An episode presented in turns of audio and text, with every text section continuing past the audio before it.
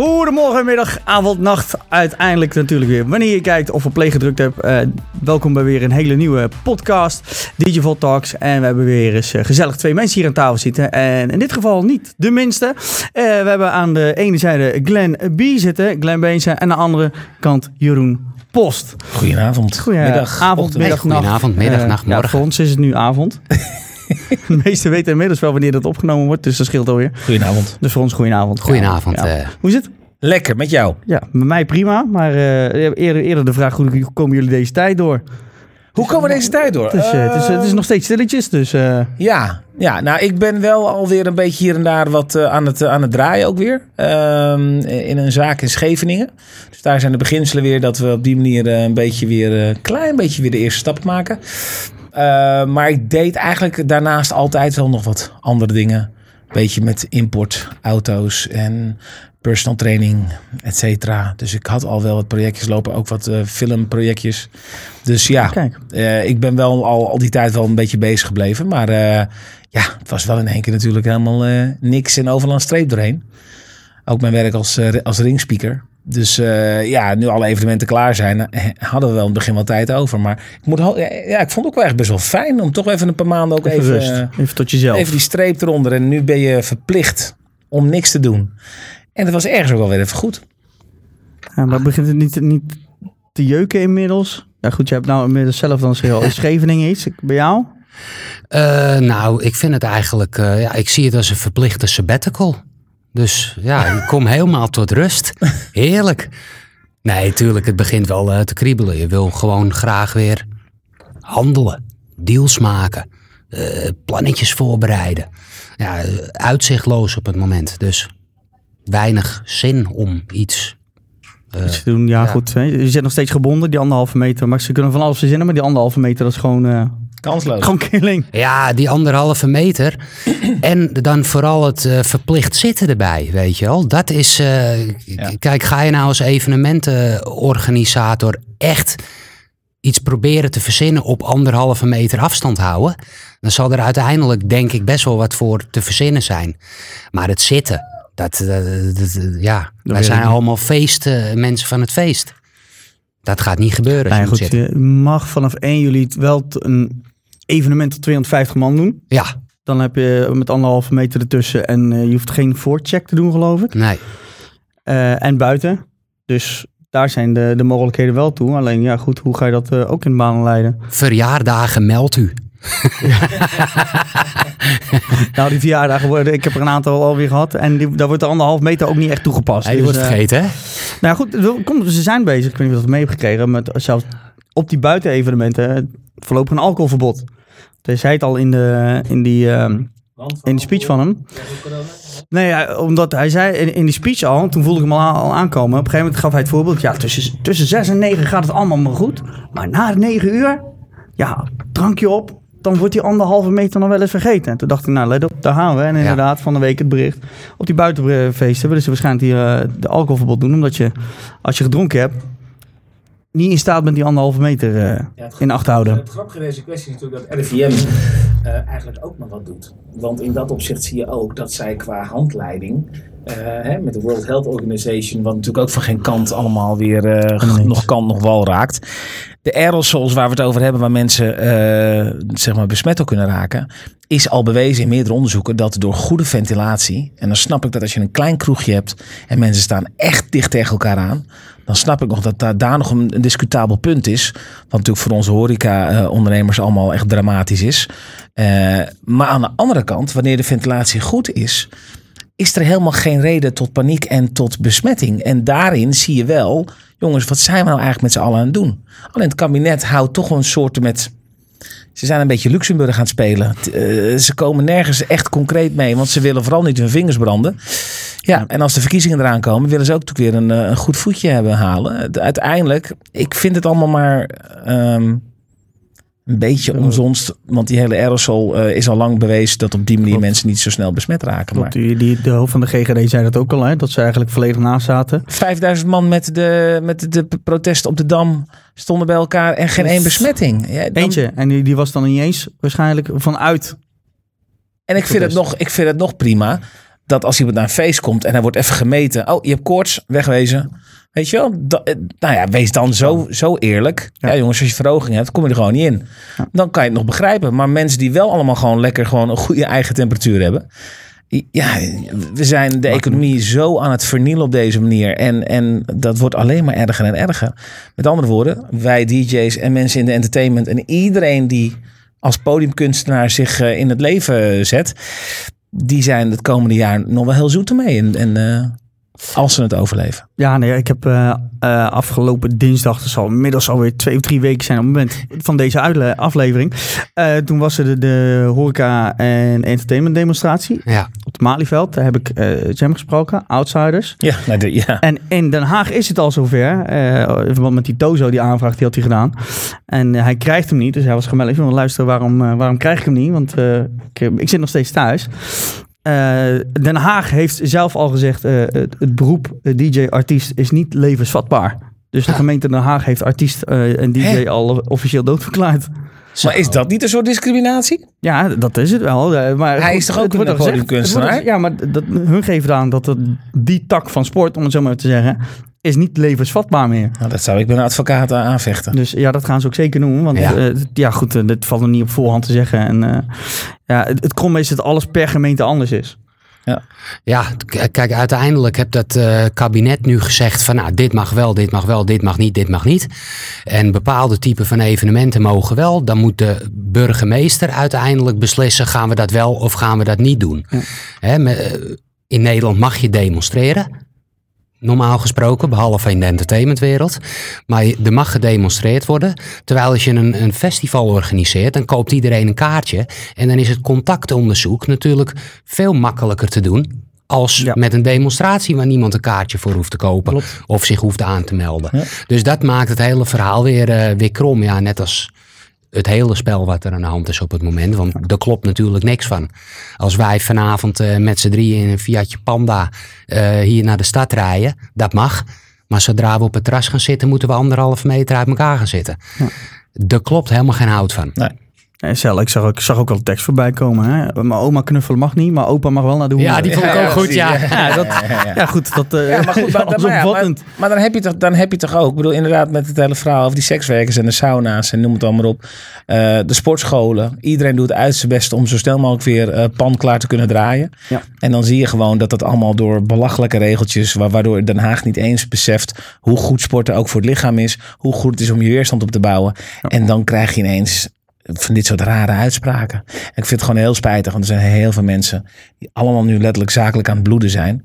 En, en daar wordt niet eens bij stilgestaan, want horeca heeft dan een soort naam voor heel veel mensen. En ja, ja, het zal allemaal wel en dit en dat. Jongens, het zijn ondernemers die dag en dauw keihard staan te beuken om goede zaken neer te zetten. En die moeten nu ook allemaal bloeden. En dat is gewoon, dat is gewoon vervelend. Ja, Dat is- super vervelend waar Ja. we hier zitten. Ja, ik Met z'n allen. Omtrent die sportscholen, omdat je ook heel, heel, nou, heel vaak, je hebt een aantal gevallen gehoord van ja, die was super gezond en sportschool en corona en eh, het was klaar. Maar ja, het knappe vond ik nog altijd. Heel, de mensen die nu dood gingen, gingen dood aan corona. Maar aan de griep is dit jaar helemaal niemand overleden. Nee. Dat is in één keer nul. Ja. Was ook Ja. een 2.000, 3.000 per jaar. Dat is in één keer nul. Dat is heel knap. Het, het zijn natuurlijk ook al die verhalen qua, weet je, ik doe niet mee aan complottheorieën, maar ik vind het wel heel erg interessant dat als je de harde cijfers neerlegt, dan is het inderdaad, ieder dood is te veel. Maar je moet ook kijken dat de meeste doden hadden allemaal eh, onderliggende ziektes, waren als stuk voor stuk allemaal eh, werden aan de beademing gezet, terwijl het lichaam nog makkelijk kon beademen. Er zijn heel veel voorbeelden waarin het gewoon echt niet kosher is. Er worden zoveel dingen weggestopt, dus ik geloof het niet meer. Al die cijfers, ik geloof het niet meer. En natuurlijk, als je de zorgmensen hoort, dan hoor je echt de schrijnende gevallen. En mensen die heel fit waren, Joël Borelli was zo'n eh, zo'n jongen die we allemaal uit het Ja. vak kennen. Die was ook altijd super gezond. die heeft ook gezegd van wat ik nu heb meegemaakt, wil ik nooit meer meemaken. Uitzonderingen zijn daar. En dat is vreselijk dat die mensen ziek zijn geworden. Klopt. Maar aan de andere kant moet je kijken wat er nu nog steeds gebeurt. Ja, nu hoor je er niet meer zoveel over. Nee, ja, kijk, en het is straks ook het geval. Op het moment dat hè, ze zeggen nu nul doden of misschien één. En op een gegeven moment krijg je een nieuwsberichtgeving. 100, eh, doden met 100% gestegen. Ja, 100% van één, dat is dan naar twee. Ja. Ja. Alleen de Ja. titel, dat, dat, dat, dat is gewoon het inboezemen van angsten natuurlijk. Het is En dat ook hetgene goed wat nu gebracht. heel veel gebeurt. Het is ook hoe het gebracht wordt. Het, Ja. het is media. Ja, Ja. De Ja. kracht van media. ja. Daarover gesproken, hè, even terug in de tijd. Want het is wel eh, het leuke van nu. Maar jullie hebben heel veel ervaring eh, jaren al eh, achter de rug zitten. Bij jou met name het, het, het, het, het, organiseren van feestjes. Zo kan ik het best omschrijven, denk ik. hè? ja, ja. Ja, dat Daar heb je heb een aantal jaar gedaan. Ja, Nog steeds. ja. Platenbaas. Platenbaas, ja, ook nog. Ook nog, ja. Artiest zelf. Ook nog, ja. Dus, eh, maar om eens even te beginnen met het, organiseren van, eh, van de feestjes. Hoe is dat bij jou begonnen? Eh, hoe is dat begonnen? Nou ja, je begint natuurlijk, het begint eigenlijk met draaien als hobby. Ik werkte vroeger in de, in de, in de platenzaken, hè, de, de, de bekende importzaken in en eh, om eh, Amsterdam. Eh, heb ik er zelf ook eentje van gehad trouwens. En dan word je gevraagd op feestjes om te draaien. En dan denk je, hé, hey, dat is leuk. Ik kan zelf ook wel eens een feestje organiseren. Ja, dat gaat dan in het lokale buurthuis. Dus zo, kom je, zo ben ik in, in aanraking gekomen met feestjes organiseren. Kom je er al heel snel achter dat je het zelf moet gaan bedenken. Want je denkt, eh, oh, leuk een feestje organiseren. Maar ja, en dan? Ja, dan moet je het gaan bedenken. Ja, dat eh, is inmiddels, eh, ik denk, een jaar of twintig terug. Dat is bij hem nog langer terug, want hij is nog ouder als ik.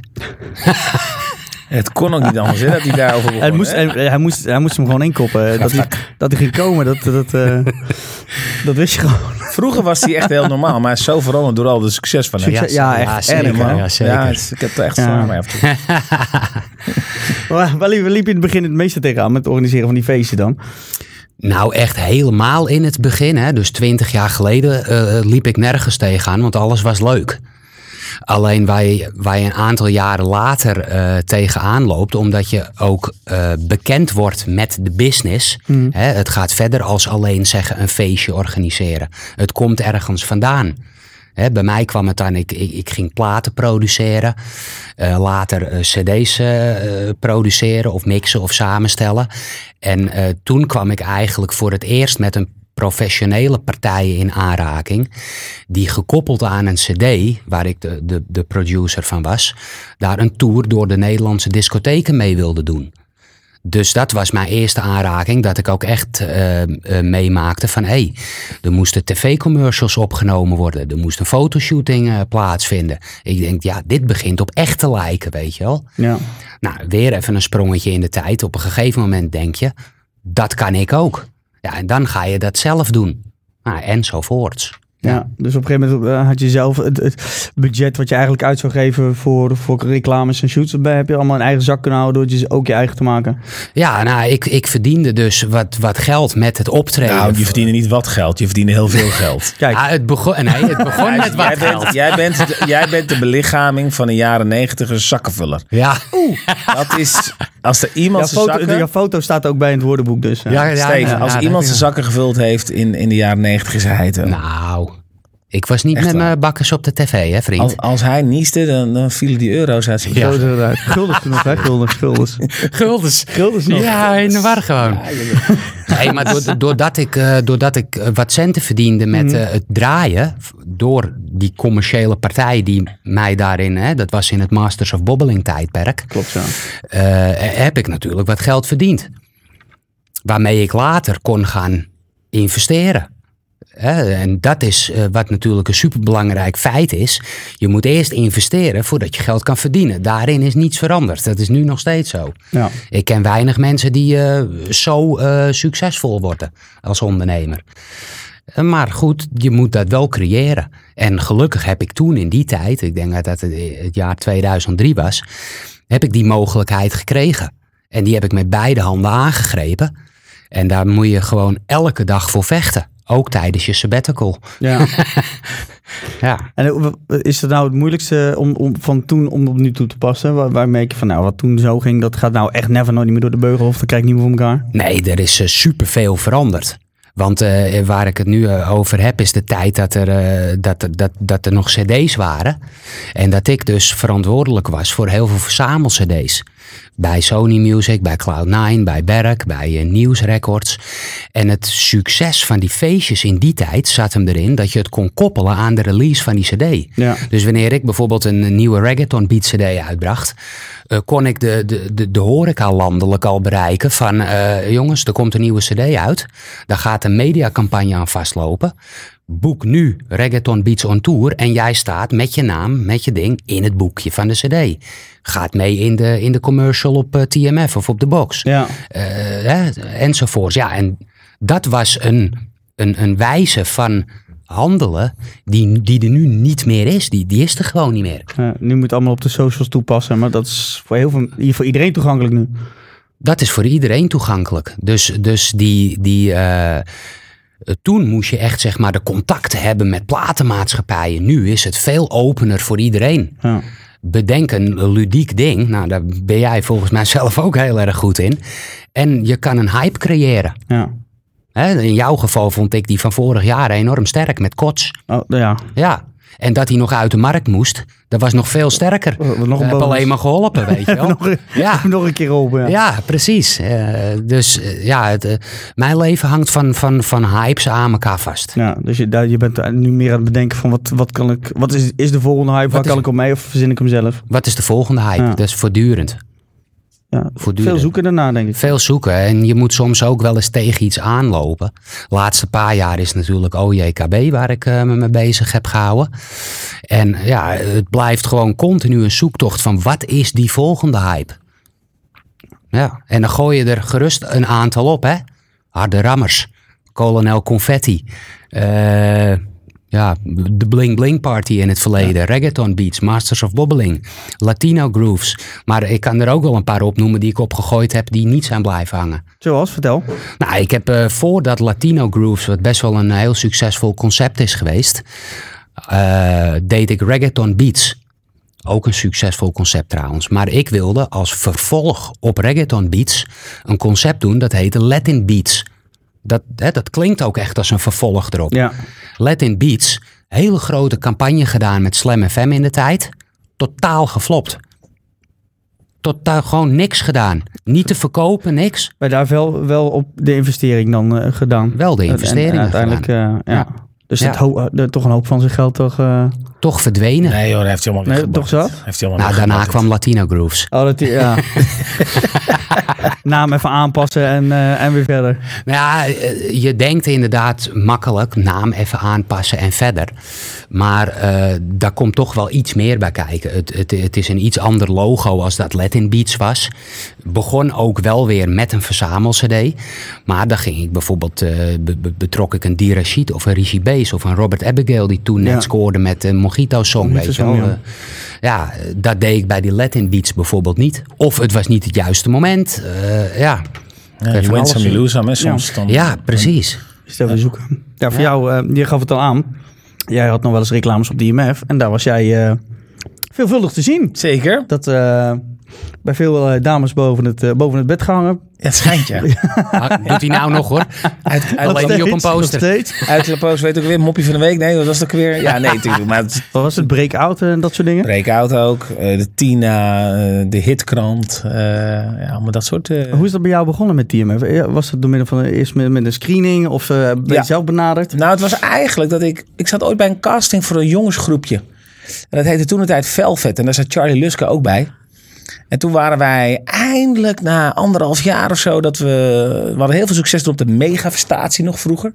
Utrecht. En we waren de, echt wat dat gaat, de, de hit van de megafestatie. Dus dat was helemaal top. Dus uiteindelijk mochten we toen een keer eh, bij Fabienne komen. En toen zei een van die programmadirecteuren... kunnen twee jongens even een, eh, een, eh, een screentest komen doen. En nou, niks meer van gehoord. We dachten, ja, het zal wel zo slecht zijn geweest. en toen ineens, toen hoorden ze dat wij een soort met uit elkaar waren. We decided to split up. En, eh, meiden. en toen belden ze weer van, hé, hey, luister, kan je niet bij ons toch even komen? Want eh, ja, eh, je deed hartstikke leuk die screentest. Dus ja, toen ben ik daarin begonnen. Ja. En toen had ik zelf nog niet eens TMF op de kabel. En toen was het eigenlijk heel snel was het gekhuis. Eh, kwam, werd je echt het diepe in, in, in gegooid? Of kreeg je echt ook nog cursus of trainingen in, Nee. in interviewen en dat nee, niet? ik weet wel dat eh, Wessel Verdiepen was toen een beetje mijn mentor. Ik ging heel vaak bij zijn opnames kijken. En dan kopieer je in het begin een beetje een stijl van hem. En dan, dan ja, je moet jezelf nog vinden. Want ik, hoe oud was ik? 2, 23. En, en op dat moment, ja, ik vond het wel hartstikke tof natuurlijk. Want ineens komt er zoveel op je af. En dan moet je jezelf maar gaan, gaan vormen. Dus ja, het enige wat zij daar wel goed deden was gewoon, hup, gewoon voor de leeuwen gooien. Je eigen draaiboeken maken, videoclips bekijken. Vertel er maar wat over. Ja. Eh, doe het maar op je eigen manier. En dan ga je vanzelf wel, Dus ook het meeste research over alle info die je eigenlijk naar, naar voren gaf op, eh, op beeld, die moest je zelf ook even onderzoeken. Hoe tof was dat natuurlijk? Ik bedoel, dat was je werk. De muziekbladen doorspitten, videoclips kijken, documentaires kijken. Af en toe een feestje omdat je dan artiesten kon spreken. Wat dat gaat, was het echt wel heel tof. Alleen, ja, ik kwam uit de bakkerij. Ik was een oude banketbakker. Eh, ik wist wat echt werken was als je in de bakkerij staat. Ja. Dan kom ik in één keer op een redactie en moet ik alleen maar een draaiboekje invullen. Ik denk van, oh, is dat het? Dus het was voor mij echt een hele makkelijke switch. Maar aan de andere kant, ja, het stukje landelijke bekendheid. Ja, dat brengt ook wel wat met zich mee natuurlijk. Wat was daar het grootste punt waar je van schrok dan met, met die landelijke bekendheid? Je je privacy weg of... Nee, dat viel wel mee. Want, want in Meidrecht, eh, waar ik zelf vandaan kom, was een dorpje. eh, mijn ouders waren daar al horeca-ondernemers. Dus ik was toen de tijd daar al de zoon van Ton en Riet Post, zeg maar. Dus in dat dorpje waren wij de kinderen van Ton en Riet Post die gewoon horeca-ondernemers waren. Ja. Dus dat was niet zo'n probleem. Dat bleef eigenlijk vrijwel hetzelfde. Maar op het moment dat je buiten eh, in de randstad en daarbuiten kwam, ja, dan merkte je wel, als wij een schoolfeestje hadden, was je in één keer een of andere eh megaster, eh, nou ja, zeg maar, de Enzo Knol van toen de Van tijd. toen de tijd, ja. Dat- ja, dat is je leuk. inderdaad mee vergelijken. Maar dat is ja. de exacte vergelijking die het, die het dan zeg, nu het beste te, te maken is. En op die manier merk je dan wel dat het echt, ja, het was echt gewoon gekhuis. Want je hebt, eh, goed, er zijn, eh, je hebt toen daar, daar gezeten met een heel team. Eh, vooral van presentatoren. Wat Ja. je zegt, Wessel van Niepen, Fabienne, Bridget, Sylvana, Bridget. Sylvana, Ehm, Isabel. Merk je, als je, als je, eh, eh, nou, nu haalt, als je ze nu ziet, herken je dan dingen van, ja goed, dat zat er vroeger ook al in? Of dat sommige echt omgedraaid zijn als een blad aan een boom? Dan denk ik van, nou, dat had ik echt totaal niet zien aankomen. Hoe bedoel je, als personen nu? Als personen nu, ja. Nee, nee, nee. Iedereen, iedereen, iedereen heeft nog wel dat. Nee, dat is altijd wel. Ik heb een paar jaar geleden ook nog een theatertour. Heb ik een paar keer gedraaid voor eh, Jeroen Nieuwhuis en Erik de Zwart. Die deden dus een top 40 eh, tour door het theater. En dan is Erik ook nog steeds eh, super collegiaal en, en, en heel relaxed. Alleen weet je, iedereen heeft op een gegeven moment ook zijn eigen projecten ernaast. Eh, maar dan zag je elkaar nog wel eens op een, eh, op een feestje of een, ding, of een ditje of een datje. En dan is het wel altijd gewoon nog normaal even gedag zeggen. Ja, Ja hoor, nee, nee, dat was, want ik heb laatst nog de Team F podcast gedaan met Fabienne en Isabel. En dat was Ja, daar, ja. dat was echt eh, als vanouds. Dat was exact weer met dezelfde vibe en de gezelligheid. En dan zie je wel dat dat er nog steeds in zit. Alleen het, het, het bizarre is, als je daarna even met z'n drie aan het praten bent... en je praat even over de levensloop vanaf dat... dan zie je wel echt dat er heel veel verschillen zijn geweest. En dan is het wel mooi om te zien van... hé, hey, wauw, dan kan je toch echt wel zien dat iedereen... op zijn eigen manier zijn eigen uitdaging heeft Ja. gekregen. want degene die het meest nog in de picture zijn gebleven zijn dan eh, Bridget en, en Sylvana. Die, eh, die is ook heel prominent eh, aanwezig nu. Mhm. M- maar die zijn, om Sylvana als voorbeeld te nemen, die is wel in één keer heel extreem eh, eh, uitgesproken. Destijds nog niet. Nee, Maar, maar... was het onderling bij jullie wel? Dat ze zich op tv moest inhouden? Ik, eh, of dat je zegt van nou, dat is misschien iets... Nee, nee, nee, nee. Want iedereen was. Nee, nee, want iedereen bij Team F was vooral bezig met, met, met wel. Het was ook echt wel een beetje die liefde voor muziek. Ja, En natuurlijk, eerlijk is eerlijk, op het moment dat je de belangstelling komt te staan en je bent bewust van het feit dat je een, een, een product bent, dan hoort dat er ook bij. Hoe zie je eruit? Welke kleding heb je aan? Voor vrouwen, per definitie, was het natuurlijk al helemaal leuk, want die hielden zich daar altijd ook erg mee bezig, natuurlijk met. Hè, wat trek ik aan? Hoe, hè, de make-upjes moesten goed zitten. Ja. Maar, maar we hadden ook de, de benefits natuurlijk. Want we kregen sponsorkleding. We, kregen, eh, we hadden echt wel de good life. Ik bedoel, als we op windsport gingen. Ik heb volgens mij nog zes snowboards in het, eh, in het hok staan. Van toen de tijd van sponsoren. Dat we elk jaar een nieuw bord kregen. Dus weet je, het was echt wel een leuk leven ook. Dus zo erg was het allemaal niet. Eh, oh, Ja, en nu gebruik je twee snowboards eh, gewoon als kies, toch? kies ja. Ja. Nou ja, nee, ik snowboard nog steeds. Nou, Dan zeg, eigenlijk, eh, eigenlijk hebben, hebben we die boot dan net gemist. eh. Ja, nee, sorry. Nee, maar dan snap je dus, het, is wel, het, het, is, het was wel breder. Maar at, at the end of the day was het wel een superleuke baan. Juist, ja, nee, maar dat, is- dat is nou vooral als je ook eh, met wereldsterren aan tafel Ja. eh, mag zitten. Ehm, welke, welke vond je het meest eh, dat je denkt van, nou echt, daar was ik zo zenuwachtig voor, dat kwam bijna niet in mijn woorden. Eh, ja, ik baalde wel op mijn verjaardag. Toen ging Tooske Jennifer Lopez interviewen. Dus daar had ik wel even de P over in. Ik dacht van, oké, die had ik wel willen ontmoeten. Ik heb Janet Jackson ontmoet. Dat ik dacht van, eh, nou, nou. en ehm, Na, na het interview nog, eh nee, Nou. helaas, nee, daar kom je niet tussen. Want dat is in Londen. Daar zitten 86 andere allemaal, journalisten. allemaal op, op rijtje, toch? Hoe vaak Wat leuk was met Christine Milian. Christine Milian was op een gegeven moment voor eh Be Cool. Dat was toen zo'n film met John Travolta. Klopt. Toen deed ze die promotie. En het was dat zij door moest naar, eh, naar Duitsland voor PR. Maar ze had echt zin om Amsterdam erin te... En we hadden eigenlijk al een soort met van... Nou, dan gaan we samen Amsterdam in. Met eh, het clubje en dan gaan we drinken. Dus ik dacht helemaal van... Nee, dat is Kasi, hè? Binnen. Deze man gaat met Christine Milian. eh, helaas. Nee, het heeft niet zo lang. Ja, weet je, er zijn heel veel dingen. Ik bedoel, Nelly Furtado was toen nog een onbekend meisje met een kooltruitje aan. En die hing om, je- om je nek om, een, om, een, zeg maar, hè, om het allemaal een beetje luchtig te maken. Terwijl Ja. ze een jaar later was in één keer, bij wijze van spreken, promiscuous girl. En was in één keer sekssymbool. En eh, Ja. kwam er helemaal niet meer tussen. En media getraind. Dat Ja. het, eh, het- Maar eh, een leuk voorbeeld is natuurlijk weer Justin Timberlake. Daar, dat was voor de camera was dat met twintig mensen die allemaal druk en belangrijk deden. Toen was er een, een lampstuk, dus we moesten met z'n vieren de kamer in. De producer van mij, Patrick, ik, de bodyguard van Justin en Justin zelf. En we zitten twintig minuten op die hotelkamer en het is super relaxed en heel gezellig en het is echt tof gast. En dan gaan we die kamer weer in en dan gaan al die mensen en die managers en die PR-publicists, die gaan allemaal een beetje raar lopen doen. ja. En dan merk je wel zo van ja, dat is echt die, dat, dat circus van nare mensen die dan allemaal heel graag een, eh, ja, een stempel willen drukken. Terwijl hij zelf, terwijl hij zelf gewoon een, een mega PR-kanon is die gewoon heel goed begrijpt hoe die mensen aanvoelt. Maar Ja. daarom is hij ook zo succesvol. Ja, want je, goed, je gaf aan hè, de, de reclames met, met TMF. Is dat ook hoe jullie bij elkaar zijn gekomen of hebben leren kennen? Of Nee, hij wilde toen wat aan me verdienen.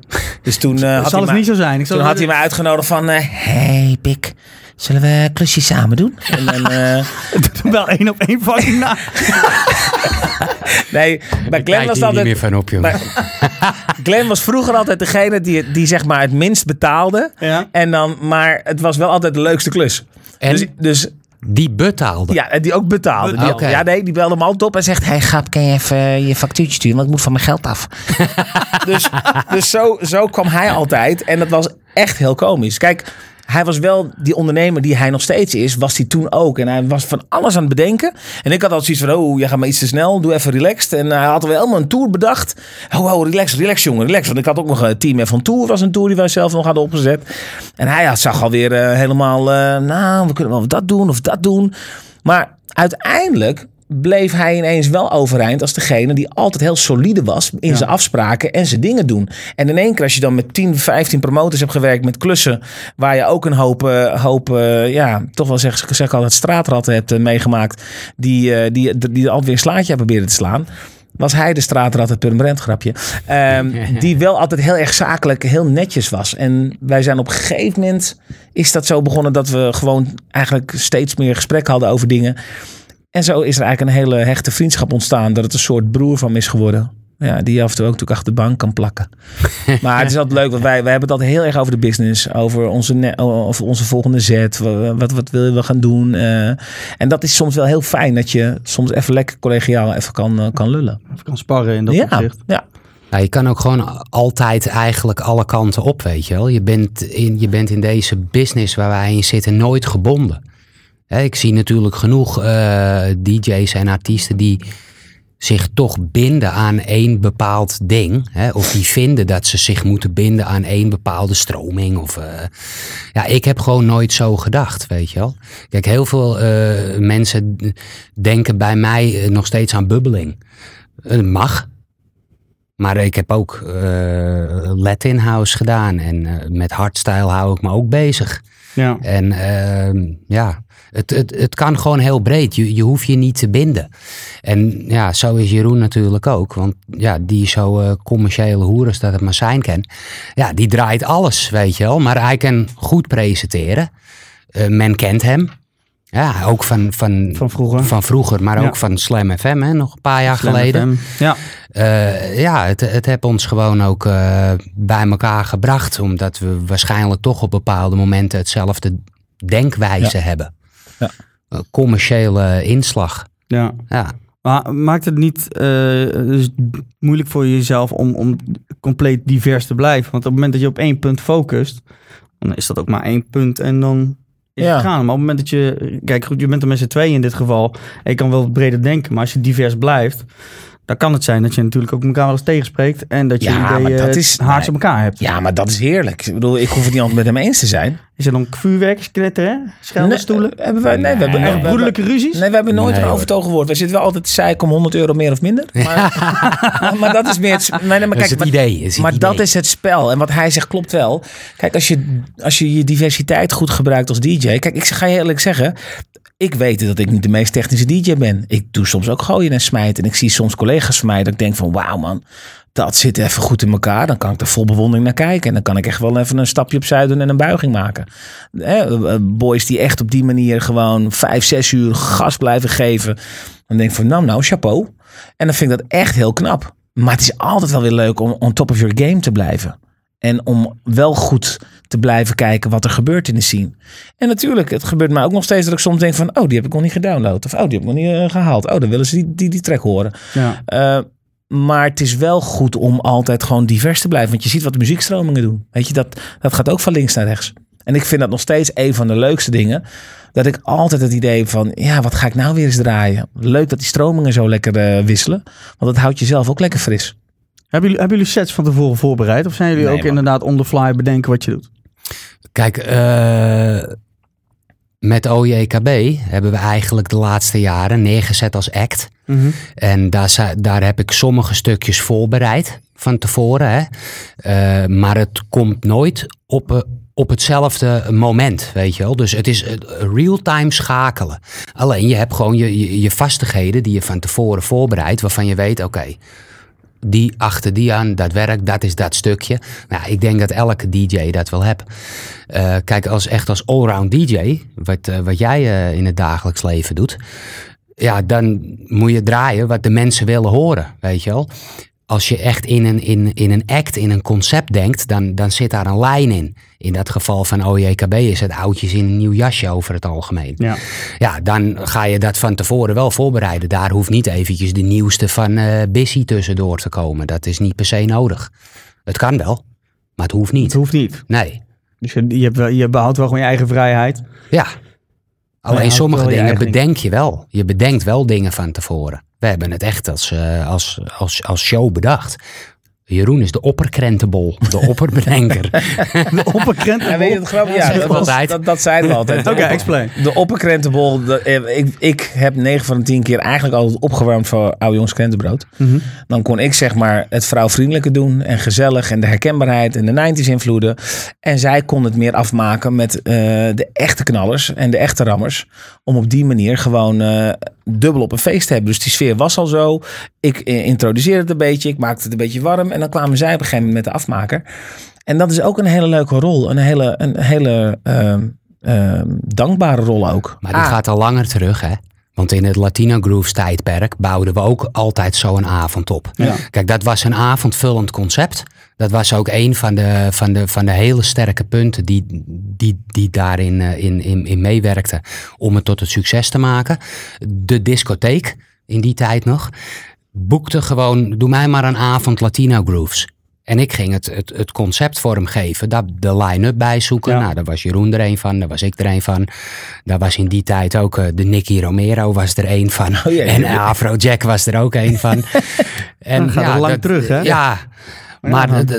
dan maak je zo'n eh, zo'n programma en dan verwacht je dus ook dat diegene die als eerste komt, dat hij niet meteen hoppa, volle bak gas staat te geven. Ja, maar eh, goed, je zegt verwacht. hè. Eh, Bespreek je dat dan niet met ze?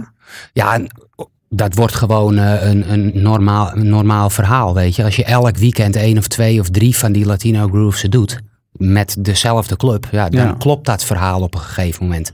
Dat zal ergens in het begin gerust een keer misgegaan zijn. Maar heb je, de, eh, eh, eh, want op een gegeven moment, hè, je, je merkt zelf als jullie met z'n twee zijn, dan is er ook wel eens frictie of woorden of wat dan ook. Maar als je dan een vaste club hebt, heb je dan niet degene die altijd als eerste staat, die wil ook wel eens een keer de klapper van de avond Ja, worden? tuurlijk, ja, tuurlijk. Heb je dat dan overleg? Of is dat inderdaad dat je zegt van nou nee, jij hebt die rol, jij staat daar. Dat is Ja, jouw ik, ik, ik zeg je eerlijk, ik heb het bij hem nooit. Kijk, eh, We hebben nooit woorden erover gehad. Ook niet op welk tijdstip. Want het was altijd eigenlijk gewoon prima. Je Mhm. komt op dat tijdstip en je, je, je bent ook blij dat je kan draaien natuurlijk Ja. ook. Dus je doet gewoon je ding. Ik Ja. denk dat diegene die dat begin doet, misschien eh, nog wel blijer is. Want die kan om eh, één uur s'nachts nog een ander optreden doen, weet je wel. Dus Ja.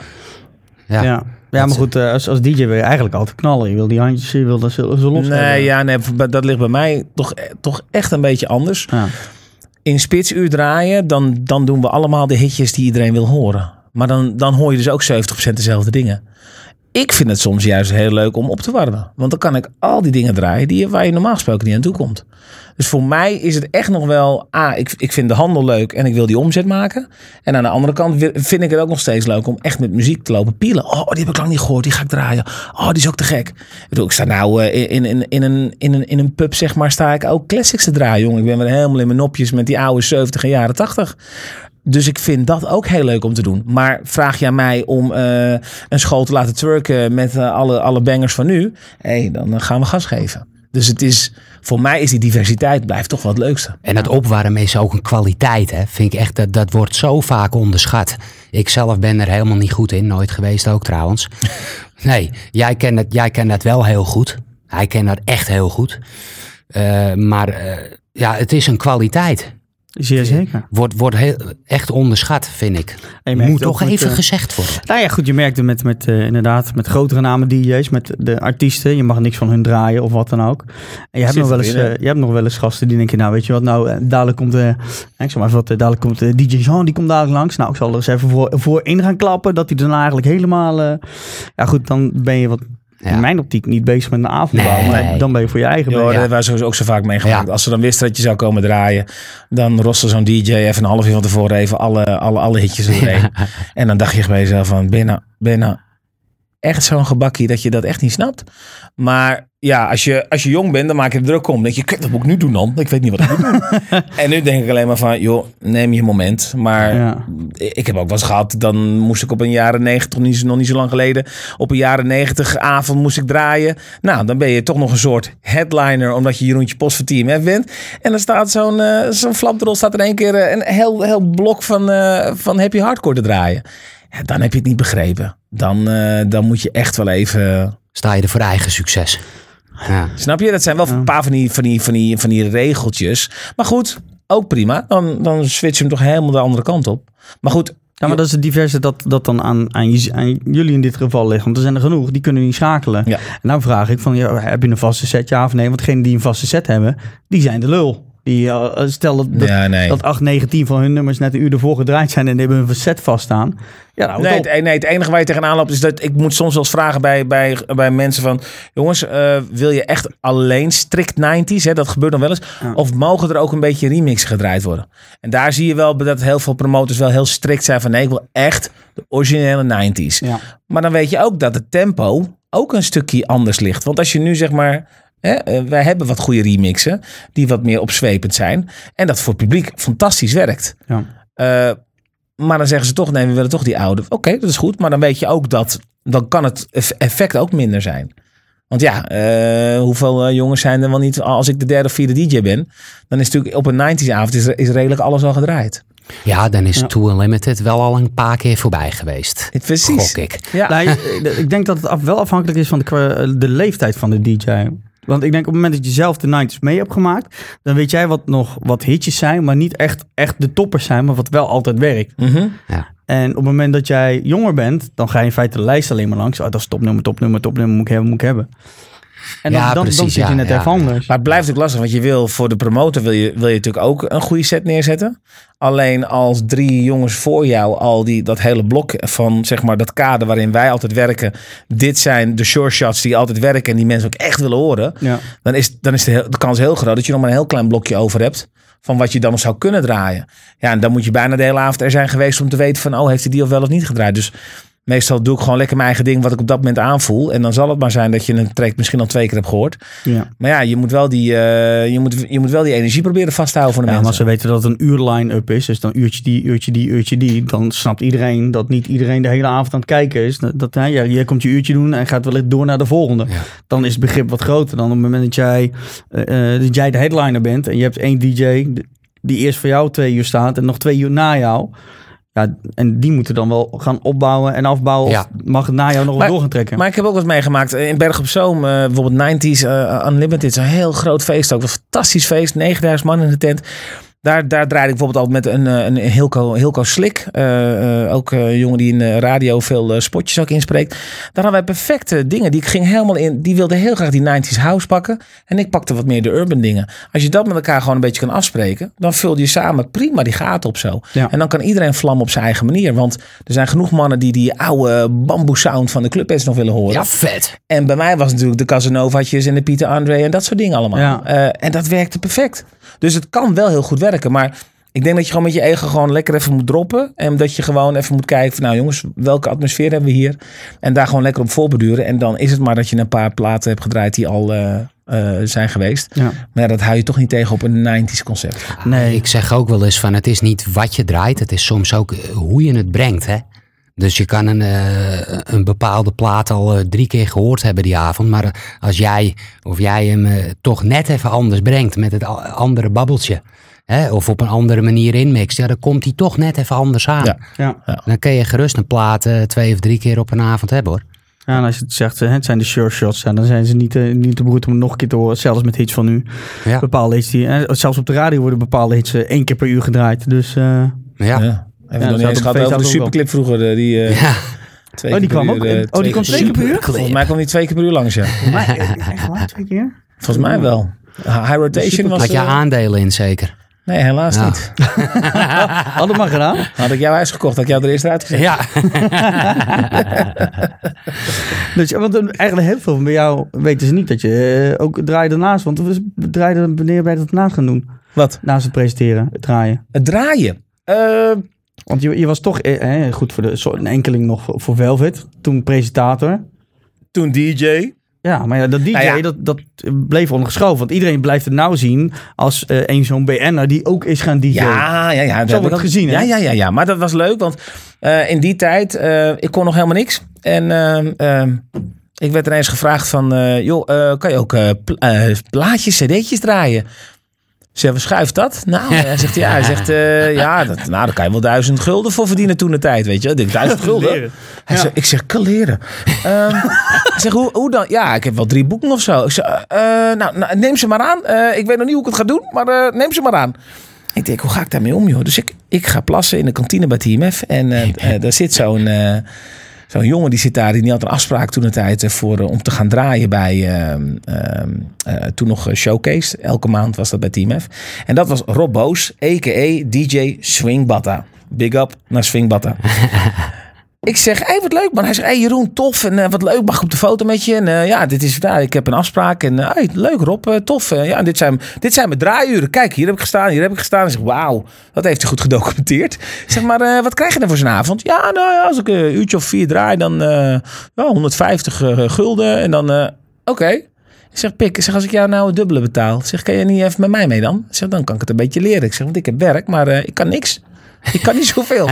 dus hij dacht in één keer, wat is dit? Weet je wel? Hij zegt, ik kom voor een eh, gesprek of ik wel of niet mag draaien. En ik heb gelijk een klus. En zo ben ik samen met DJ Svink Batta begonnen. En dan was het echt zo van, eh Leidse Dam laat je horen. En dan drukte ik op play. En af en toe zei ik van, wie wil er een t-shirt? Dan drukte ik weer op play. En dan was Svink Batta was alles aan het mixen.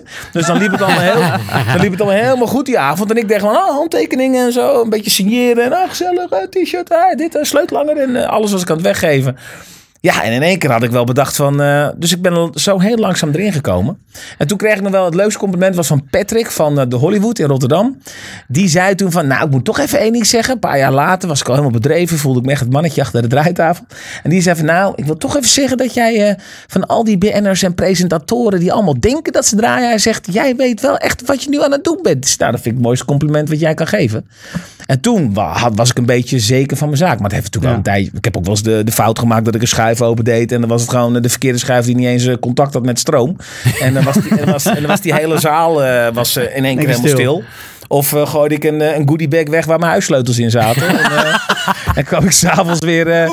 kwam ik s'avonds ergens uit Friesland weer terug. En om zes uur s ochtends met licht. En eh, ik heb geen sleutel, jongens. Ja, die heb ik ergens... eh, Oh, eh, hoe dan? Ja. Ik vraag me echt serieus, hoe krijg je dat voor elkaar? Ja, ik, ik dacht, ja, ik leg mijn sleutels wel even in de tasje, want eh, met mijn spullen. En dan, en dan dacht ik, nee, ik gooi de tasje weg. Oh, dat ging makkelijk. Oh, daar zaten mijn sleutels in. Sleutels?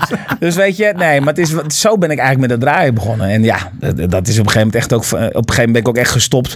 En dan heb ik mezelf getest door op, eh, ik ging op, bij een vriend van mij in Arnhem, DJ Styles, ging ik bij zijn urban feestjes draaien. Ik was bij wijze van spreken de enige witte DJ op de flyer. Ja. Eh, maar ik wilde dat heel graag, omdat ik, ik, ik vond die muziek te gek. eh, En ik vond het ook tof om mezelf te testen in spitsuur. Als je tien DJ's bij hebt die allemaal staan te knallen, wilde ik mezelf er ook tussen zetten. Om te kijken van, kan ik datzelfde niveau een Ja. beetje eh, evenaren? En ik blijf het zeggen, er zijn zoveel talentvolle jongens in onze scene. Die allemaal hè, altijd op de plekken komen en die daar al staan waar jij dan een keer komt. Ja. Ja, man, dat, dat is gewoon een. Dan kom je in een andermans huis natuurlijk. Dus dan moet je ook echt wel even jezelf blijven testen. Ja, heb je nog dingen van hem opgestoken? Of heb je hem dingen geleerd? Nou, daar komt Nee, hoor. nee, ik, eh, ehm, even, even, ehm, even hengelen, even hengelen. Nee, nee, nee ja, je, je kan het zien. Hè. Kijk, ik draag geen Rolex en hij en nog steeds een Oh, Rolex. ja, dus hij ja, heeft ja. het meest. Keihard voor gewerkt. Niet dat ik even een studio inloop en eh, dat ik eh van doe maar die, doe eh. Weet je wat, weet je wat leuk is aan, weet je wat leuk is aan Glenn? Zonder die veren in zijn kont te stoppen. Ehm, hij is altijd bezig met vooruitdenken en, en nieuwe ideeën bedenken. En daar is hij heel goed in. En dat trucje wat hij heel goed kan, dat kan ik echt helemaal niet. Dus het leuke daarvan is dat wij ons, wij houden elkaar altijd fris door vanuit een andere invalshoek met elkaar daar te kijken. En ja, ik, heb, ik kijk wel eens naar hem dat ik denk van, nou ik vind het toch knap hoe je dat weer voor elkaar bokst. Want eh, ik zou niet weten hoe ik dat zou moeten doen. En dat heeft hij andersom ook weer bij mij. Ja. En daardoor lopen wij elkaar nooit in de weg. Wij, wij hoeven elkaar nooit met ellebogen weg te duwen. Er is altijd genoeg ruimte voor ons allebei. En we delen ook graag met elkaar. En, en ik denk dat dat heel goed is. Dat je, dat je gewoon, gewoon goed met elkaar bent. Het gaat niet over ego bij ons. We zijn allebei een ego. Maar het is soms ook goed om elkaar scherp te houden. Dus ja, dat... eh, ja, kijk, soms... Kun je eh, je zak steken? ja, nou, dat is hartstikke bedankt, vriend. vijf- Nee, maar je, het, het, het- ja, berekenen zo af. nee, maar het, lijkt, als- het lijkt nou zoals hij het zegt, alsof er bij mij maar eh, dat ik zeg maar een boompje thuis heb staan waar de ideeën gewoon in groeien. Dat is natuurlijk ook niet zo. Want eh, ik heb ook wel eens jaren gedaan over het volgende idee. Weet je wel? Dus eh, het is niet dat het ehm, vanzelfsprekend is dat er maar ideeën komen. Dat, dat, eh, ja, soms heb je ook wel eens gewoon heel lang geen idee. en tegenslag. En tegenslag. Hoort er ook allemaal bij. Ja, dat heb ik ook meegemaakt, weet je wel. Ik heb op een gegeven moment heb ik eh, ook nog tussendoor twee eh, discotheekjes gehad. eh, waarvan er eentje wat minder lekker liep. En daar ben ik echt letterlijk van door in een burn-out geraakt. Ja. En dat is keihard. Kijk, en eh, dat was het eh, punt waardoor ik Jeroen eigenlijk nog beter heb leren kennen. Voor die tijd werkten we al lang samen als DJ's, dat ik hem boekte. Maar vanaf dat moment dat ik zeg maar echt wel in een, in een, in een vette burn-out kwam, was Jeroen degene die naar mij toe kwam. Hè, met zijn, met zijn, met zijn eh, bewijs van spreken, zijn, zijn, zijn coachingtas onder zijn tas. Hè, want hij is natuurlijk ook eh, eh, coach. Ik noem hem de Emiel Ratelband van, eh, van de, van de twenties. nee, maar eh, in, een hele positief bedoel ik dat. En hij was wel degene die mij eh, onder andere enorm geholpen heeft in die tijd. Ja. Waar waarom ik het zo vertel is, in die tijd van een burn-out komen niet zo heel snel hele goede ideeën over het algemeen. Dus het zijn hele hoge pieken en hele diepe dalen. Ja, Ja. en daar hangt het leven van eh, gewoon aan elkaar vast, weet je wel. Maar hoe, hoe, goed, je hebt dan hè, de hulp van de, de motivational speaker. Ja, Eh, maar hoe, hoe heb je jezelf uit, uit dat diepe dal getrokken dan? Eh, Wat was voor jou de eerstvolgende houvast van, kijk, nou, dat is, dat is mijn doel weer. Nou, eh, ik heb in die tijd veel met Jeroen gepraat. En ehm, met nog een andere kennis van me die een aantal jaar voordat ik in eh, burn-out kwam in hetzelfde schuitje zat. Daar ben ik mee gaan lopen, daar ben ik mee gaan zitten in een haven naar boten kijken en praten. En ehm, ja, op een gegeven moment, eh, kijk, ik, ik had dus die eerste zaak nog, hè. Dus daar moest ik me toch mee bezighouden. Ja. Wat niet, ja, dat, dat ging niet. Dat, dat ging niet lekker, maar het moest wel. En op een gegeven moment, ja, ga je dan toch doorknokken omdat je er wil bo- weer bovenop wil komen. En dan zie je eh, bijvoorbeeld eh, heel simpel eh, door achter een bar te gaan staan en drankjes in te gaan schenken voor de, voor de terraslopers. Zie je dan als een uitdaging. Ja, ik heb nog nooit van mijn leven achter een bar gewerkt, weet je wel. Maar ik heb dat toen wel gedaan. En zo komt uit het een komt weer het andere. Ja, en dan ga je op een gegeven moment weer eh, proberen op te bouwen. En dan ga je, ga je weer eens een keer een plaatje draaien ergens. Want ik was helemaal gestopt met het. Met, met, eh, cold turkey klaar. ja, ja, boem, klaar. Niet meer draaien, niet meer uitgaan. Eh, ja, behalve in mijn, in mijn enige Ja, eigen zaak die ik toen nog had. Eh, ja, en dan, dan ga je toch maar weer eens een keer een plaatje opzetten. En dan denk je, hey, oh ja, hey, er, is ook, er is ook nog leuke muziek. Weet je, want als je er eventjes uit bent, ja, dat is echt wel best wel eh, heftig.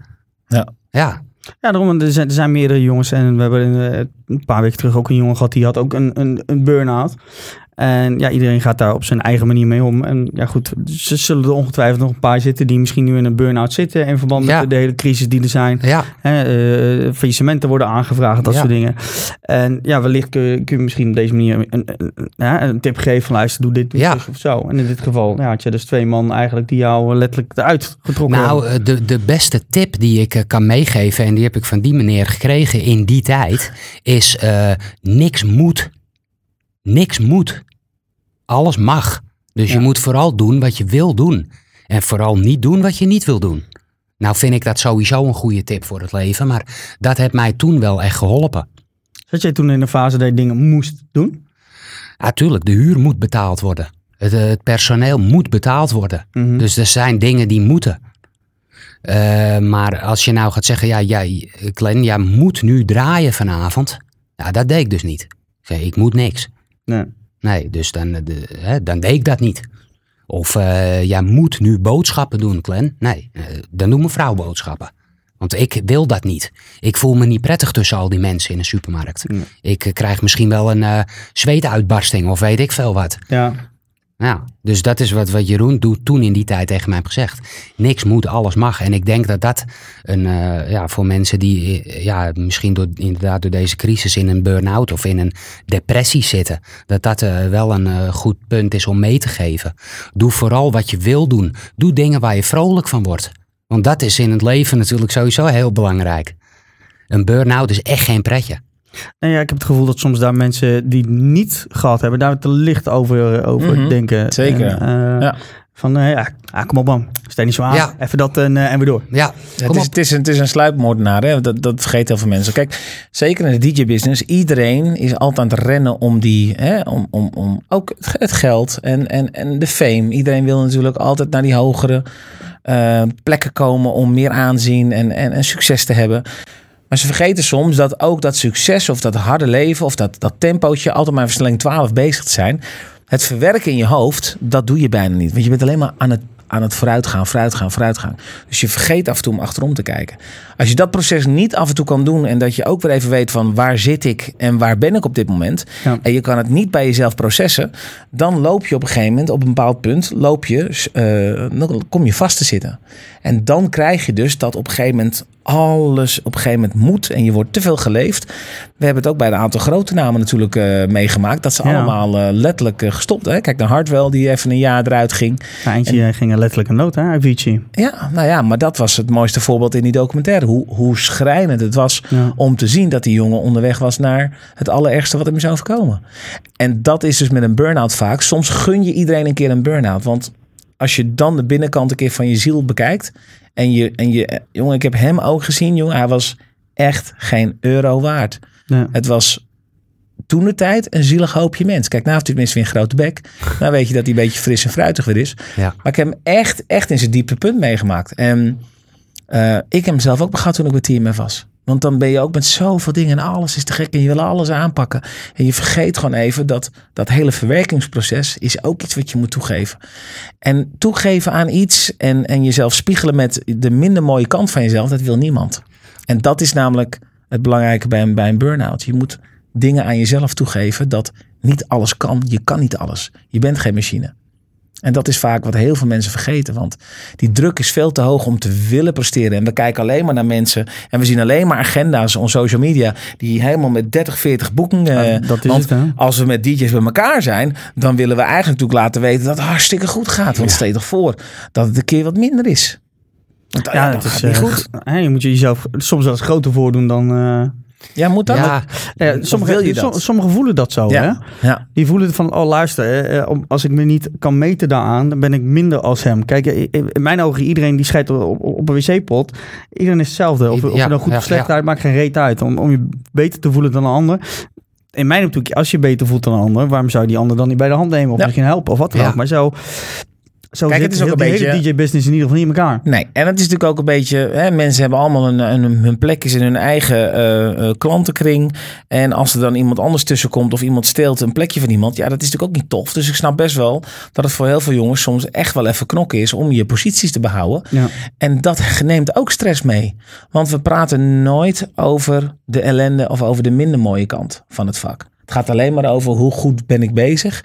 En win ik een award. En eh, heb ik aanzien. Zodat ik mijn gage omhoog kan zetten. Ja. Maar ze vergeten ook soms dat wanneer je die ego durft te laten vallen. En eerlijk naar jezelf durft te kijken van wie ben ik en waar sta ik. En welke persoon ben ik nu naast het draaien. Dat is ook heel belangrijk. Nou, een ding wat ik in ieder geval wel eh, geleerd heb eh, of, of ontdekt heb na mijn burn-out, was dat ik terug ging kijken. Hoe deed ik dat voor mijn burn-out? Want ik merkte dat er in mij wat veranderd was. Ja. Ik was veel liever na de burn-out. Hè, of liever, ja, ik weet niet of dat... Zachter, ja, je was zachter. Ja. En toen ging ik dus eens terugdenken van hoe deed ik dat voor die burn-out, weet je wel?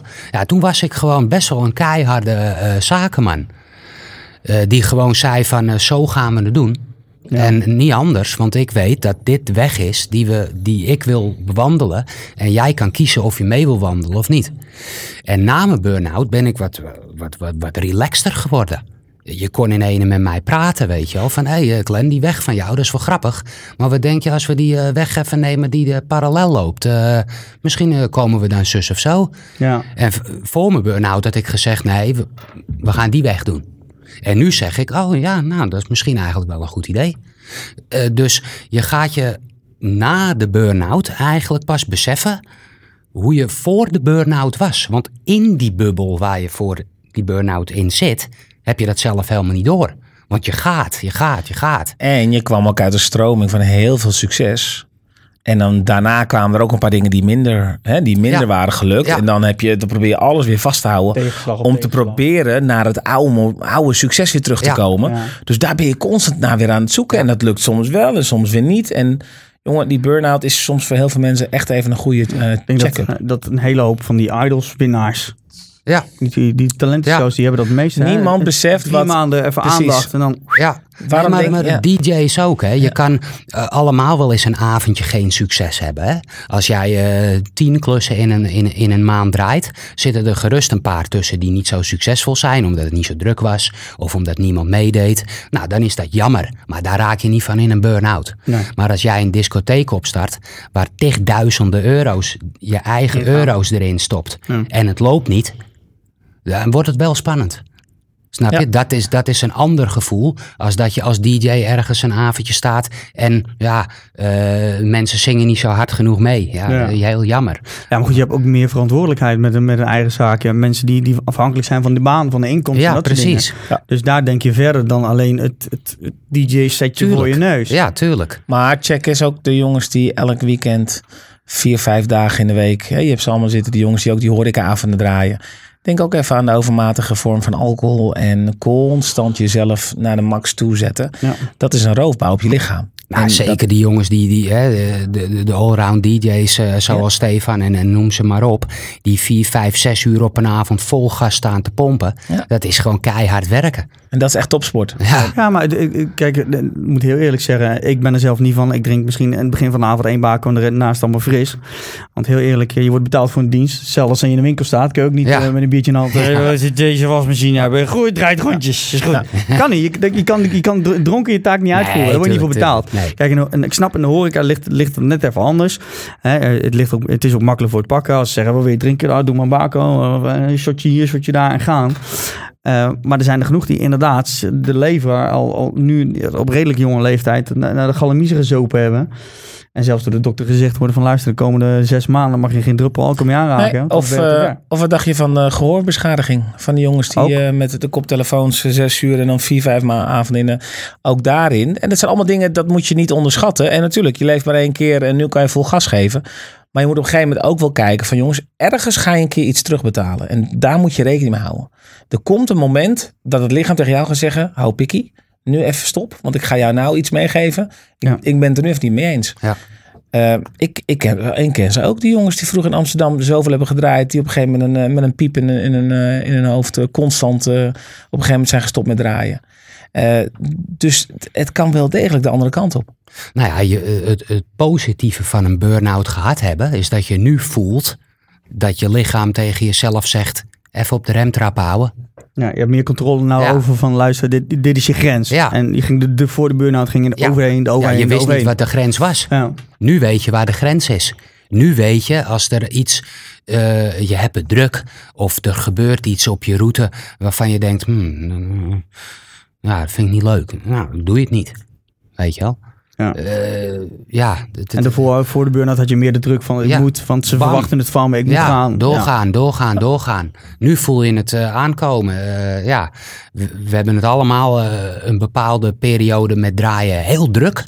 Hè?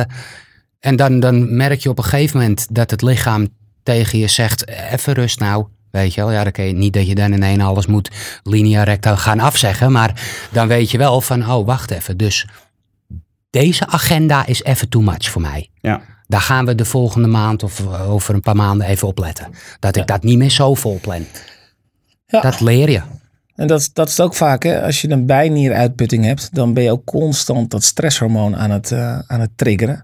En dat maakt het lichaam ook op een gegeven moment helemaal moe. En daarin, dat zijn dingen, daar praten mannen niet zoveel over. Hormonen, dat is toch iets voor vrouwen. Maar daarin moet je niet onderschatten dat het menselijk lichaam zoveel kan hebben tot een bepaald moment.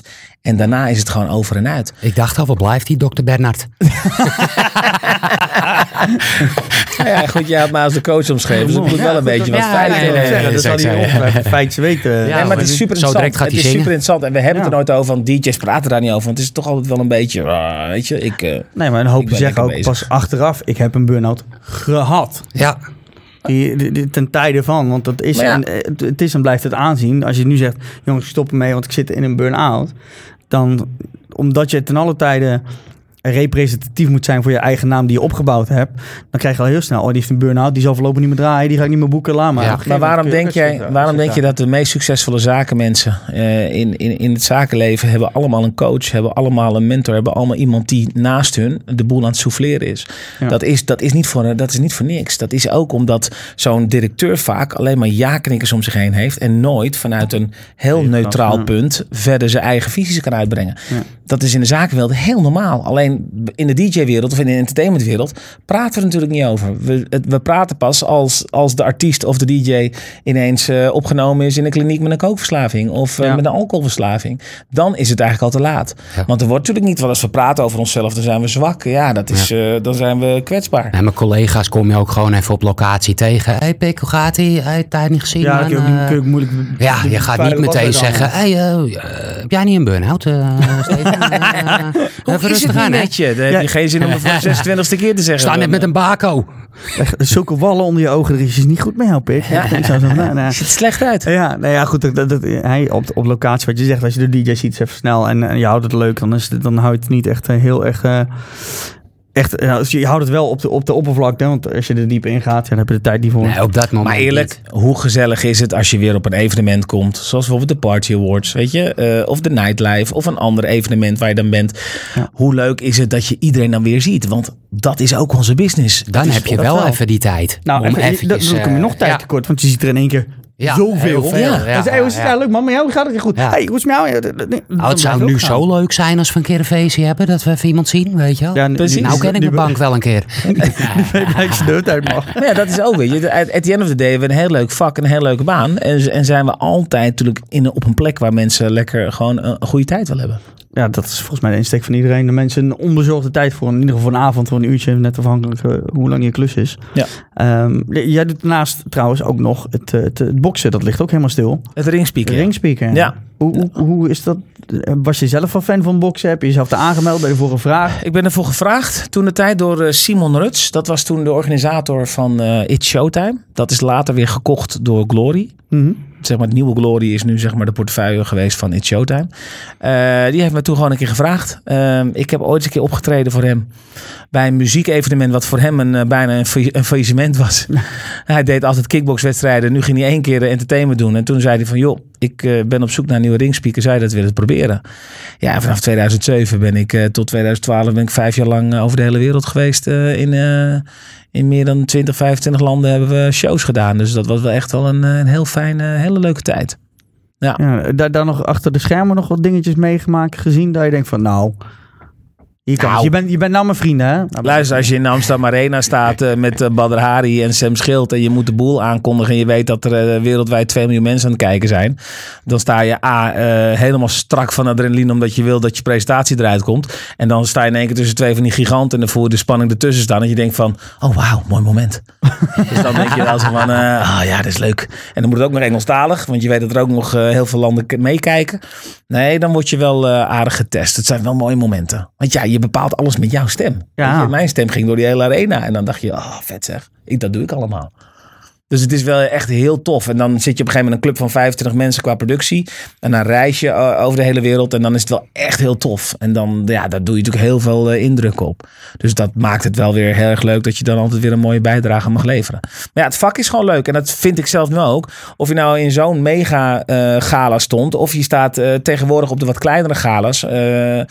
De sfeer is er niet minder om. Als je kijkt naar boxing influencers, wat super populair is. Maar een gewoon gala, bijvoorbeeld eh, bij mij om de hoek in Meidrecht. Daar kan het niveau ook dermate hoog zijn dat het echt spannend is om te zien hoe die atleten tegen elkaar eh, punten proberen te scoren. Ja. Ja, en ik ben niet vies van een eh, lekkere knockout. Ik bedoel, als die op het kinnetje zit, dan denk ik ook wel op de eerste rij van... eh, zo, die was vet zeg. Volgende keer doe ik hem ook zo. Ja, nee, nee. dat dan weer niet. presentatie. Dat dan weer- ja, precies. Nee, nee, nee. Ik heb gelukkig nooit iemand hoeven slaan. Eh, maar mijn rol is gelukkig ook niet op die manier. Want ik ben alleen maar de aangever. Ja. Dus eh, dat is wel heel tof. Ja, Ja, dat is wel vet om zo over de wereld te gaan dan. Ja. Letterlijk. Zeker. Veel, veel, veel media met aandacht gehad in, eh, in dit geval. eh. Ja. ja, daar kunnen Ja. we nog wel wat van leren, denk ik. Ja, kunnen we nog wat van leren. Ja. Ja, het is ook, ja, het is ook per toeval zo, goed- zo doorgerold. En ik vond het zelf ook heel leuk. En dat is dan een keuze die je maakt natuurlijk binnen in je vak. Zoals jullie ook jouw keuzes hebben als ondernemer.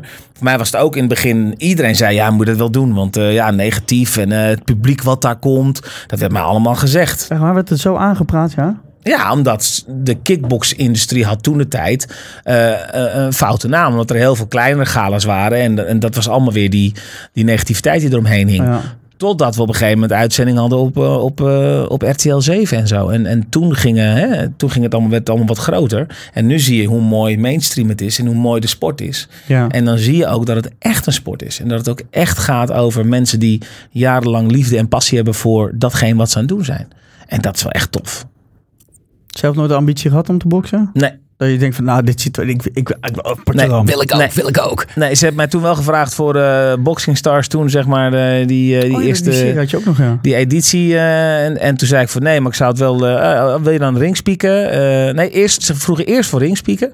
Toen zeiden ze: Oh nee, sorry, we hebben al een deal met Ruben, want die gaat de presentatie doen, maar die wil dat alleen doen als hij ook de ringspeaker mag zijn. Mhm. Wil je dan als kandidaat meegaan? Ja, en toen dacht ik van.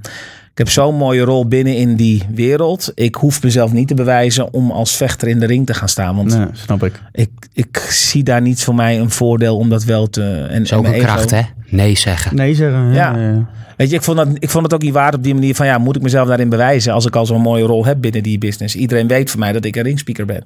Eh een internationale ringspeaker. En Ja. dat vind ik, dat is een, de mooiste plek die ik kan hebben. Ja, netjes opgezet. Netjes, maar goed, dat, dat heeft die ervaring met de TMF-presentatie waarschijnlijk ook mee te maken. Dat ze bij jou terechtgekomen zijn. Dat lijkt mij een- een- een 1 2 in dit geval. Nou ja, met, eh, met grote dank aan Simon Ruts die mij natuurlijk eh, die kans heeft gegeven. de Simon. Simon, Simon.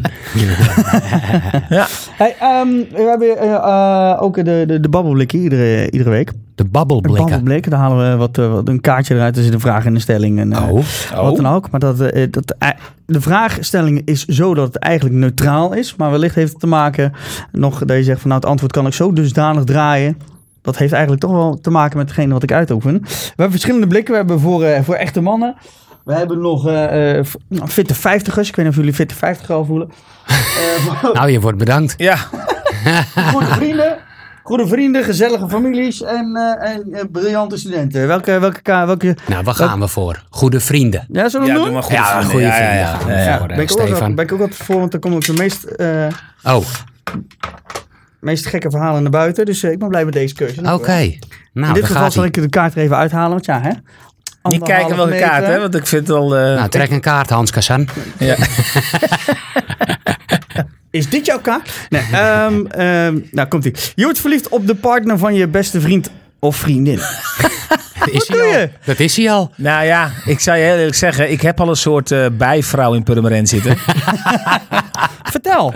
Dion, ik hoop dat je kijkt. Ja, je zit toch hier achter de camera. Oh, Eh, nee, ja, mijn bijvrouw. Nee, maar luister, ik kom heel vaak in Purmerend en dan weet ik ook gewoon dat ik lekker kan mee eten. En ze kan heerlijk koken. Dus ik heb echt een, eh, een tweede vrouw erbij dat ik op die manier eh, altijd in de watten wordt gelegd. En, eh, dus ja, dat is, dat is wel een soort, eh, ja, dat is wel een soort liefde. Moet ik wel eerlijk toegeven. ja, nee, dat, dat... Ik kan niet verliefd op eh, zijn partner worden, want hij heeft elke week een ander. Dus dan heb ik er een fulltime baan aan. Tjak! Oeh, die zit heel diep. Die Nou, zit heel elke diep. week is overdreven. Onder twee, twee weken. weken. Geen commentaar. Geen commentaar. Ja, bij, bij, bij, heb je nog niet de liefde van je leven gevonden? Of Nou, je- ik, of- nou, ik moet je eerlijk zeggen dat ik nu eh, het wel erg eh, gezellig heb met iemand. ja. Eh, dus dus eh, ik ben op de goede weg. ja, trouwerij binnenkort. Dat nog niet, al? niet overdrijven. Maar eh, ik heb het heel leuk. Ja? Zou alle samenwonen of dat nog net niet? Of Nou, die dat, nee, dat gaat niet echt. Dat, is, dat, is nog, nee, dat, dat zit nog niet in het systeem, omdat, eh, omdat je allebei heel erg druk bent. Ja. Maar eh, ik weet ook niet of dat nu al het komende jaar gaat gebeuren. Maar zeg nooit nooit. Alleen, eh, nee, dat gaat nu hartstikke goed. Want hoe, hoe staat ze erin? Want net zoals bij, hè, bij Dionne, die, die, dra- die draait dan een beetje een tijdje mee bij jou. Die is het gewend, hè, weekenden weg. Ze is zelfs mee, eigenlijk ook onderdeel. Moeten we eerlijk toegeven, ook onderdeel van OJKB. Hè. Meestal af en toe eens een keer plaatje draaien, filmpje maken, foto maken. Die is onderdeel van OJKB. Ehm, hoe eh, combineer jij dat dan? Als, als iemand zegt van, nou ja goed, hè, eh, we beginnen net een relatie. In het begin eh, accepteren ze het nog, want ze zijn van je, van, van je gewend. Tenminste hoor ik links en rechts dan van, oh, oké, op een gegeven moment. Maar op, er komt een punt dat ze toch zegt, ja, ik had toch toch eigenlijk dat je vaak thuis bent. Dat Nee, nee, nee, nee. Dat heb, ik, dat heb ik nooit gehad. Als ik kijk naar het verleden ook. Dat de mensen wisten altijd wel dat ik eh, in dit vak altijd heel erg druk ben. En dat draaien voor mij eh, een prioriteit is. Dat is de business waarin ik zit. Dat is het werk wat ik doe. En Ja. ja, ja je kan niet aan mij vragen of ik wat minder kan gaan werken. Ja. Ehm, maar Ja, je maar moet... is die vraag nog niet geweest? Want er, er komt een punt op een gegeven moment, bij iedereen bij wie ik het Nee. hoor, die, als iemand net begint met een DJ te daten of een artiest of weet ik veel wat die vaak weg is, dan komt altijd op een bepaald moment om de hoek kijken de vraag, ja, ik zou wel fijn vinden als je iets meer thuis bent. Ja, maar dat is voor iedere DJ denk ik een andere prioriteit die die neerlegt. Hoe belangrijk vind je het zelf? Hoe belangrijk is je inkomen? Eh, misschien heb je een baan door de week erbij. En dan kan je misschien met iemand afspreken. Ik ga wat minder werken. Ehm, in mijn geval heb ik het altijd meegemaakt dat mensen gewoon echt wel wisten dan... Ja, Jeroen is altijd weg en onderweg. Ja. Eh, dat hoort gewoon bij zijn leven. En ik denk dat dat ook het beste is hoe je mij zelf moet laten gaan. Laat me alsjeblieft altijd mijn ding doen en mijn passie volgen. Want ik, ik ben er altijd op uit om, om, om leuke dingen te doen. En daarbij, op het moment dat iemand mij vrijlaat, eh, dan, dan buig je ook vanzelf wel weer terug naar, naar, naar je partner. Ja. Maar ik denk dat dat ook voor jezelf te maken heeft van waar sta je en wat wil je precies. Ja. En ook op het moment dat je met iemand een relatie begint, eh, wat spreek je met elkaar af? Ik ja, denk- daarom. Dus, ik denk dat dat heel belangrijk is. Dat je met elkaar goed communiceert, goed blijft praten. En als je echt tyfus druk bent, dan is het sowieso een probleem. Maar het is ook als jij een ondernemer bent en een zaak hebt en ook 80 uur in de week eh, moet maken. Ja, dan heb je dezelfde issues thuis hoor. Dus ik denk, dat je, ik denk dat je dan als DJ eerder valt op een vrouw die sterk en krachtig is en die een hele goede basis kan hebben. Die op die manier ook natuurlijk naar jou kan kijken van, hey, ik snap wat je aan het doen bent en eh, Ja. this is your life. en niet jaloers zijn aangelegd, want daar hoor ik ook al verschillende over. Ja, maar dat, eh, maar dat is Want natuurlijk... ik, ja, je hebt aandacht, hè? Ja, aandacht. Ja, maar dat is inherent je al, aan- je, die, hebt die al van de beginperiode. Jij bent niet anders gewend. Maar dat is inherent aan de business. Waar sta je zelf en waar kies je voor? Ja. En dat is voor iedereen... eh, de, de een gaat er wat beter mee om dan de ander. Ja.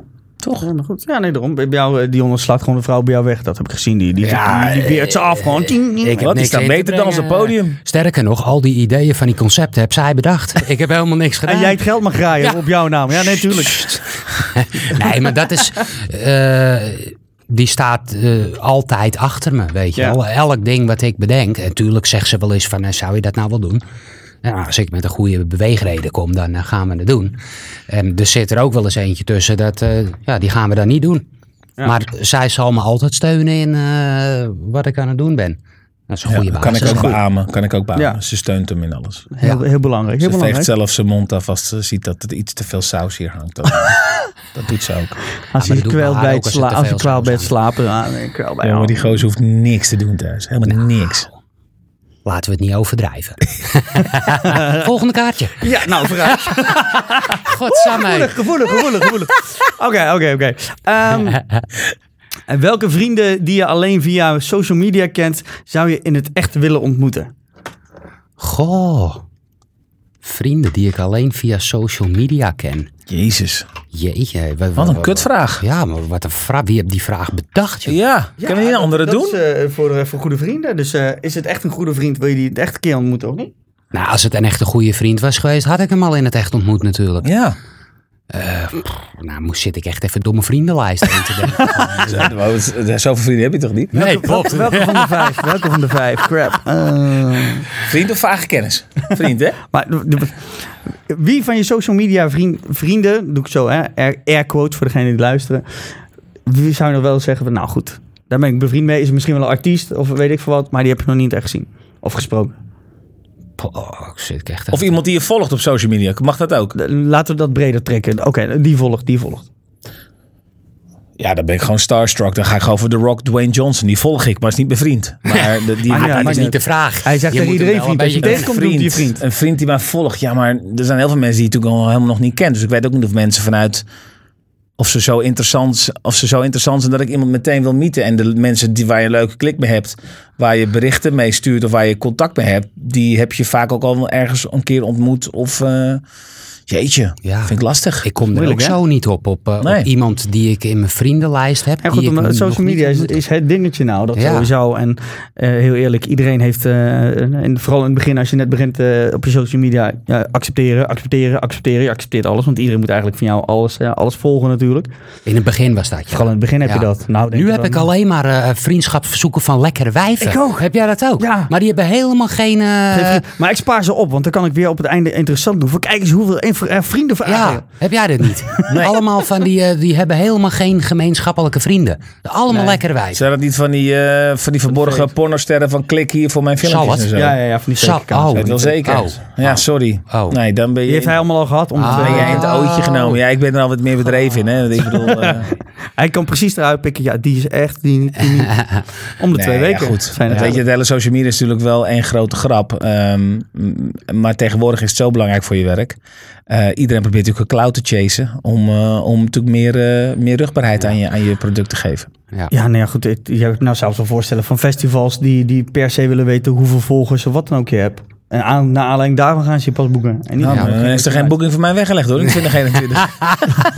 ik zit ook niet vol op de volgers of zo, nee. Nee, klopt. Nee, maar goed, het wordt steeds belangrijker. Op het moment dat ze mensen boeken, hè, willen ze ook die, die, dat delen van die social media. Ik vind het soms, ik snap dat dat gedeeld moet worden, maar soms denk ik ook wel eens van, jongens, eh, daar ga je toch niet zeg maar het ding mee krijgen. Want uiteindelijk gaat, het- gaan mensen echt op die manier, hè, iedereen die in de buurt zit of die al van tevoren bedacht heeft, ik wil naar dat festival, die gaat er toch wel heen. Ja. Ongeacht of je wel of niet gaat draaien.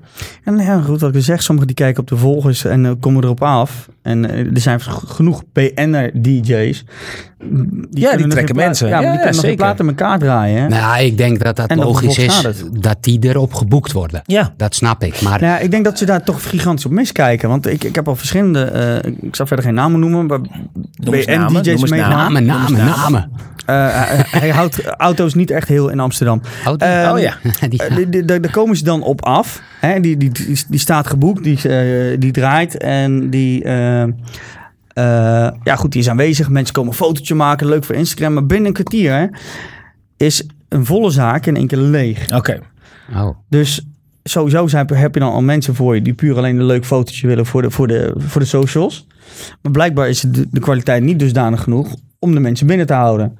En je kan wel eh, zoveel neerleggen, maar op het moment dat jij het niet terug kan verdienen op de, op de mensen die binnen zijn of die moeten drinken, ja, dan gaat het toch ergens mis. Ja, maar ja, Het, verha- het verhaal is natuurlijk wel... op het moment dat ze super hot zijn... kijk maar naar al die jongens van eh, Temptation en Ex on the Beach. eh, eh, het, het werkt wel dat mensen op die manier natuurlijk...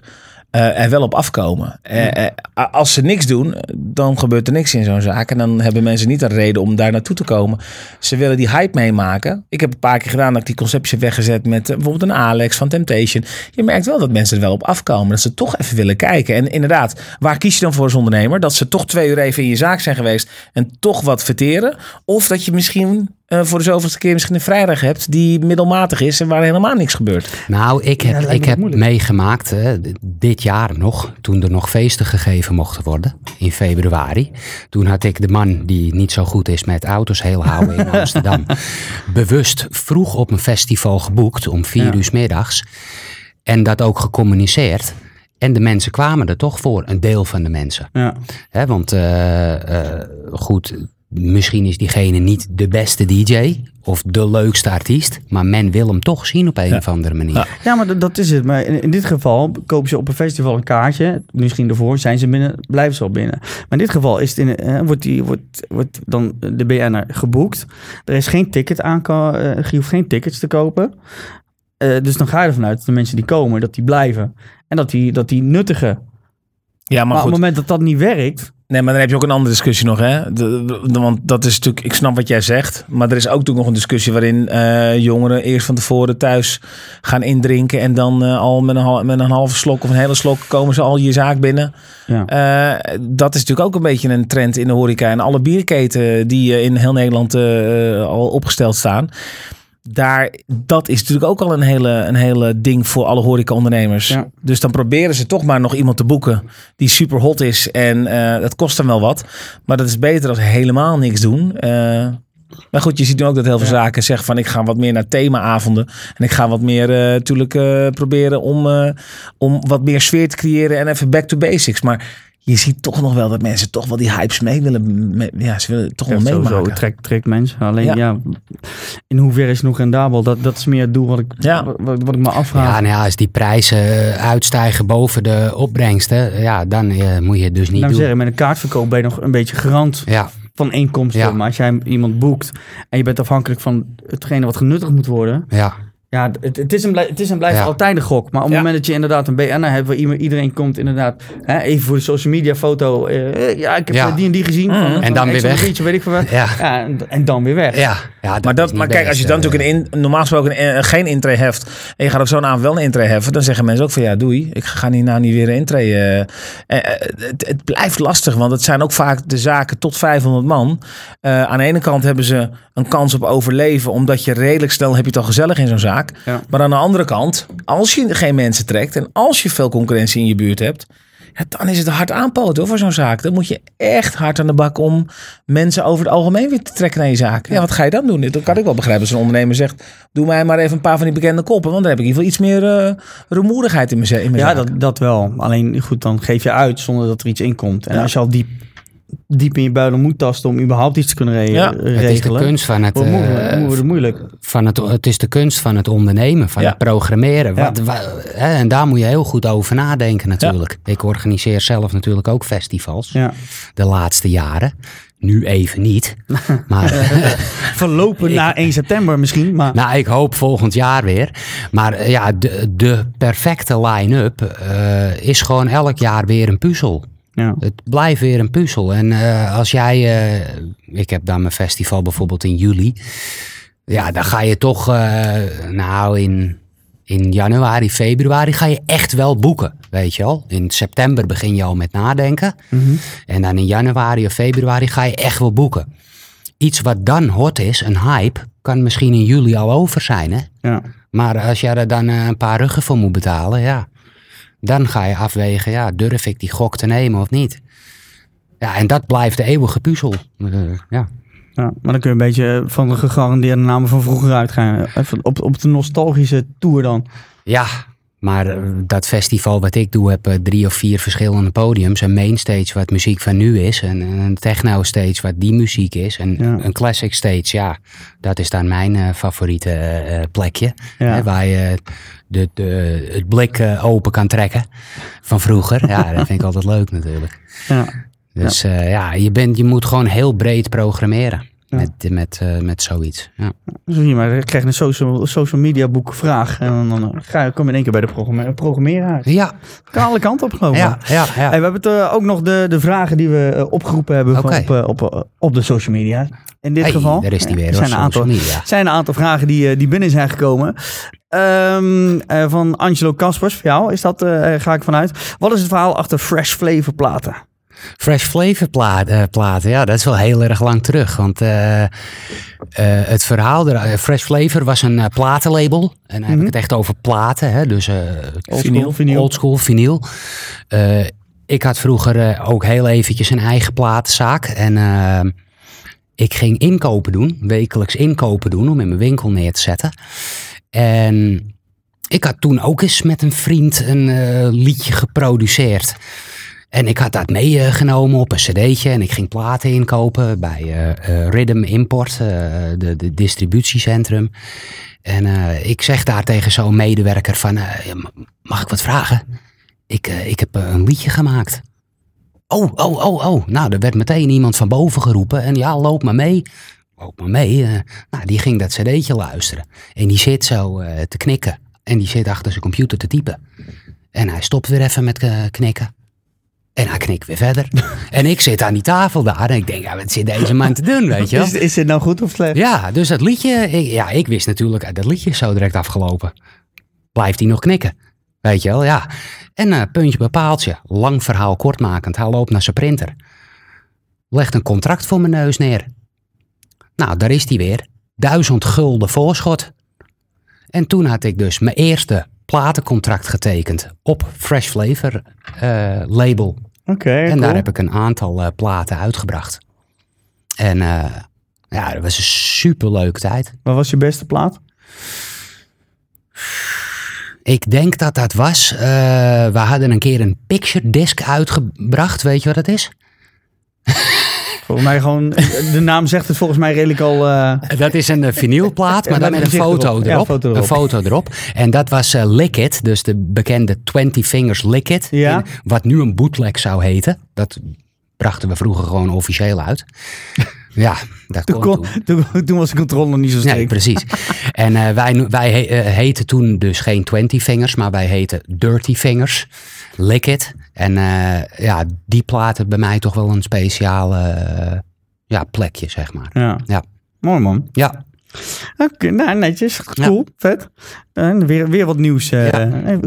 Leer altijd weer wat nieuws bij ja jou. bijleren. Eh, van Fijker van, eh, van den Berg, die vraagt... Hey Jeroen, een heel klein beetje ranje met heel veel ijskoud water. Ja. Ja, dag Fijke. Ja.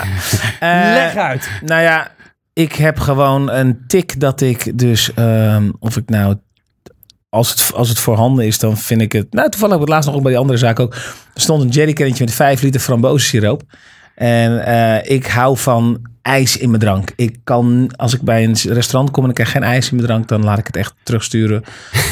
Niet, niet, niet hotel, maar meer van, mag ik alsjeblieft een beetje ijs erbij?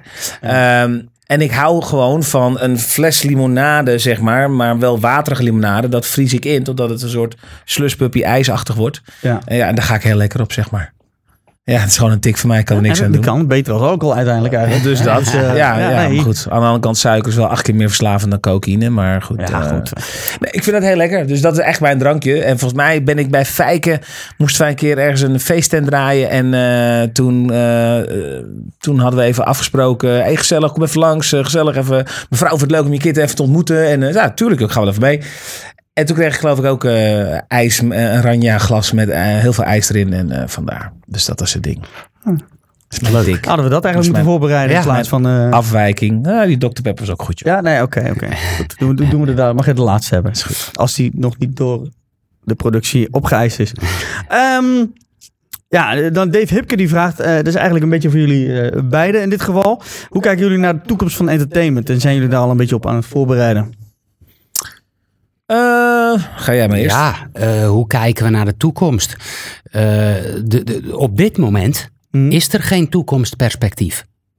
Want ja, rond september gaan we weer eens wat van de criminele club horen.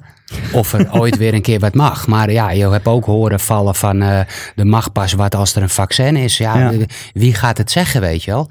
Kijk, als we, de, als we dan toch moeten antwoorden op hoe kijk je naar de toekomst. Nou, als er weer gefeest mag worden ooit, of dat nou volgend jaar is of het jaar erop, of misschien wel zo direct in september al, dan zeg ik, dan zou het wel eens helemaal los kunnen gaan. En dan moeten we voorbereid zijn. Dus die sabbatical van nu moeten we wel aangrijpen om onszelf goed klaar te maken voor wat er straks gaat komen, denk Ja. ik. Denk ik. Denk Ja. ik. Ja? Ehm, ik, ik zeg gewoon go with the flow.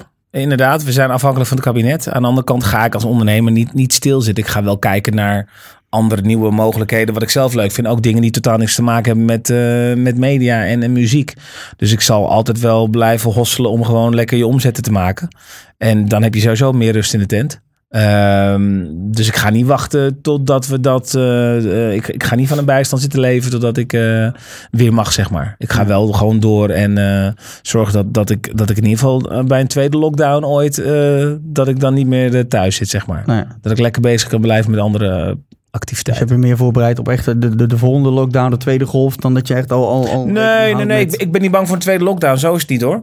Maar het is alleen dat ik. Ik, ik, ik met- fo- voorbereid. Nou, ja, weet je, draaien deed ik sowieso met heel veel plezier. Maar ik was ook al bezig met andere dingen. Dus ik focus me Ja. ook wel op dingen die, die ik nog meer leuk vind. En het heeft door de lockdown wel, wel meer doen nadenken. Hé, hey, ja, nou, misschien moet ik wel iets meer tijd in andere dingen ook gaan steken. En het draaien gewoon zolang het gewoon leuk blijft. En ik vind het nog steeds heel erg leuk om te blijven doen. Ja. Eh, blijf ik het altijd eh, Maar eh, ondertussen was ik sowieso wel met andere dingen ook bezig. Nee, goed dat ze in ieder geval in dat opzicht een backup hebben. Want er zijn heel veel jongens die nu eh, ja, een beetje een, eh, ja, een noodsprong wil ik niet, niet zeggen. Maar ja, goed, die moeten toch andere dingen aangrijpen. Ja, om- tuurlijk, om ja. Maar drop je ego. Er, er is niks mis mee als Nee. jij ineens in de supermarkt eh, gaat werken. Eh, als je koerier bent, als je eh, schoonmaker bent. Jongens, dat is, dat, it's a good, honest job. Ja, daarom. En daar verdien je gewoon lekker je knaak ook mee. En Tuurlijk. je moet gewoon je ego droppen. En het is echt een luxe geweest dat we van de muziek kunnen leven.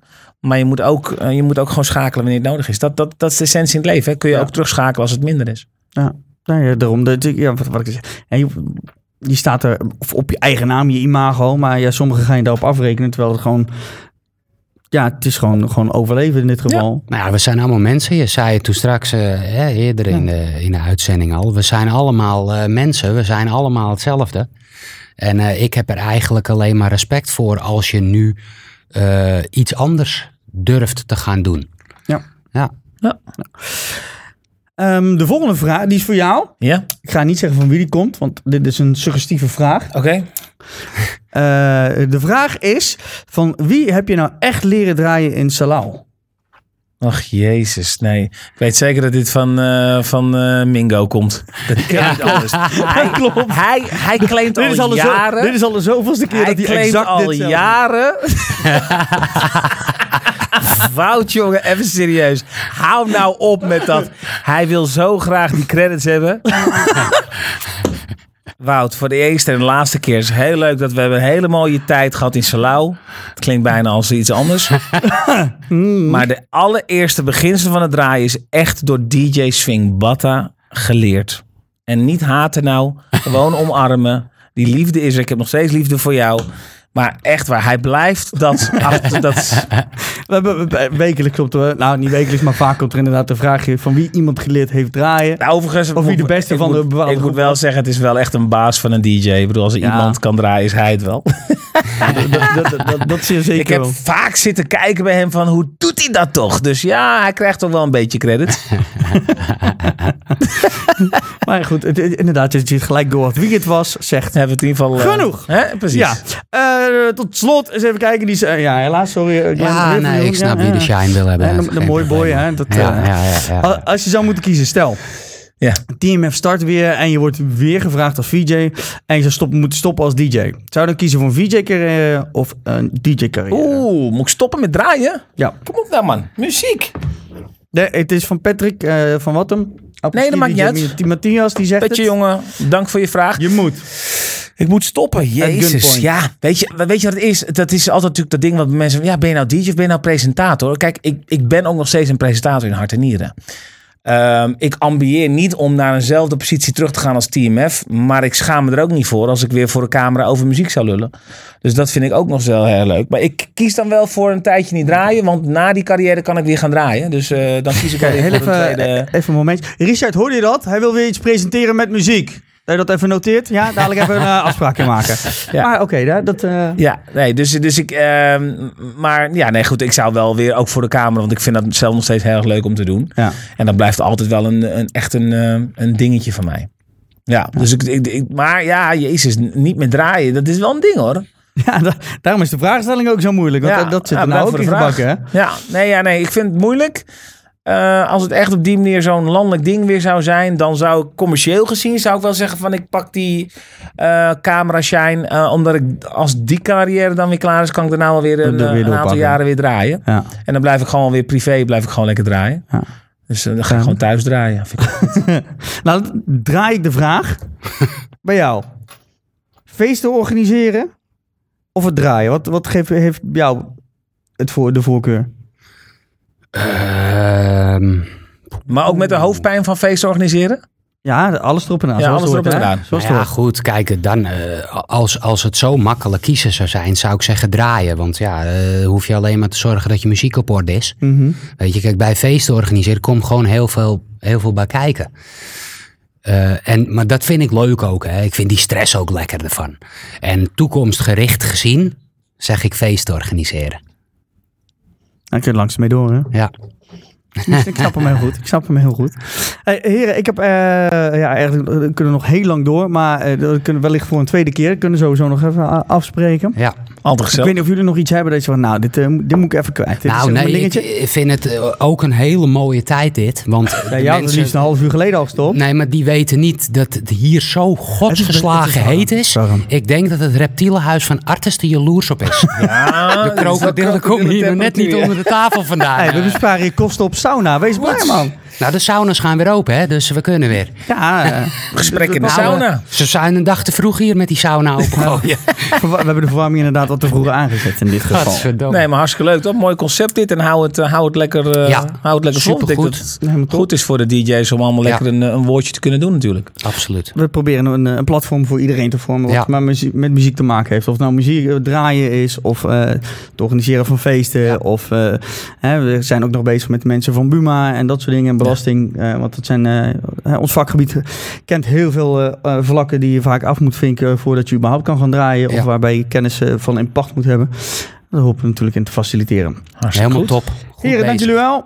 Eh, Jij ook bedankt. eh, eh, ja, graag gedaan. Graag gedaan. Ja, dankjewel voor het luisteren of dan wel kijken. In dit geval, we zien je graag volgende week weer terug.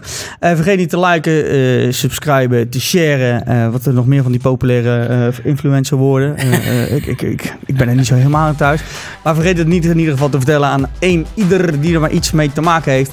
Zo kunnen we alleen maar meer gaan betekenen voor jullie, hopen we in de toekomst. Pas op jezelf en elkaar. Dankjewel en tot de volgende keer. Doei.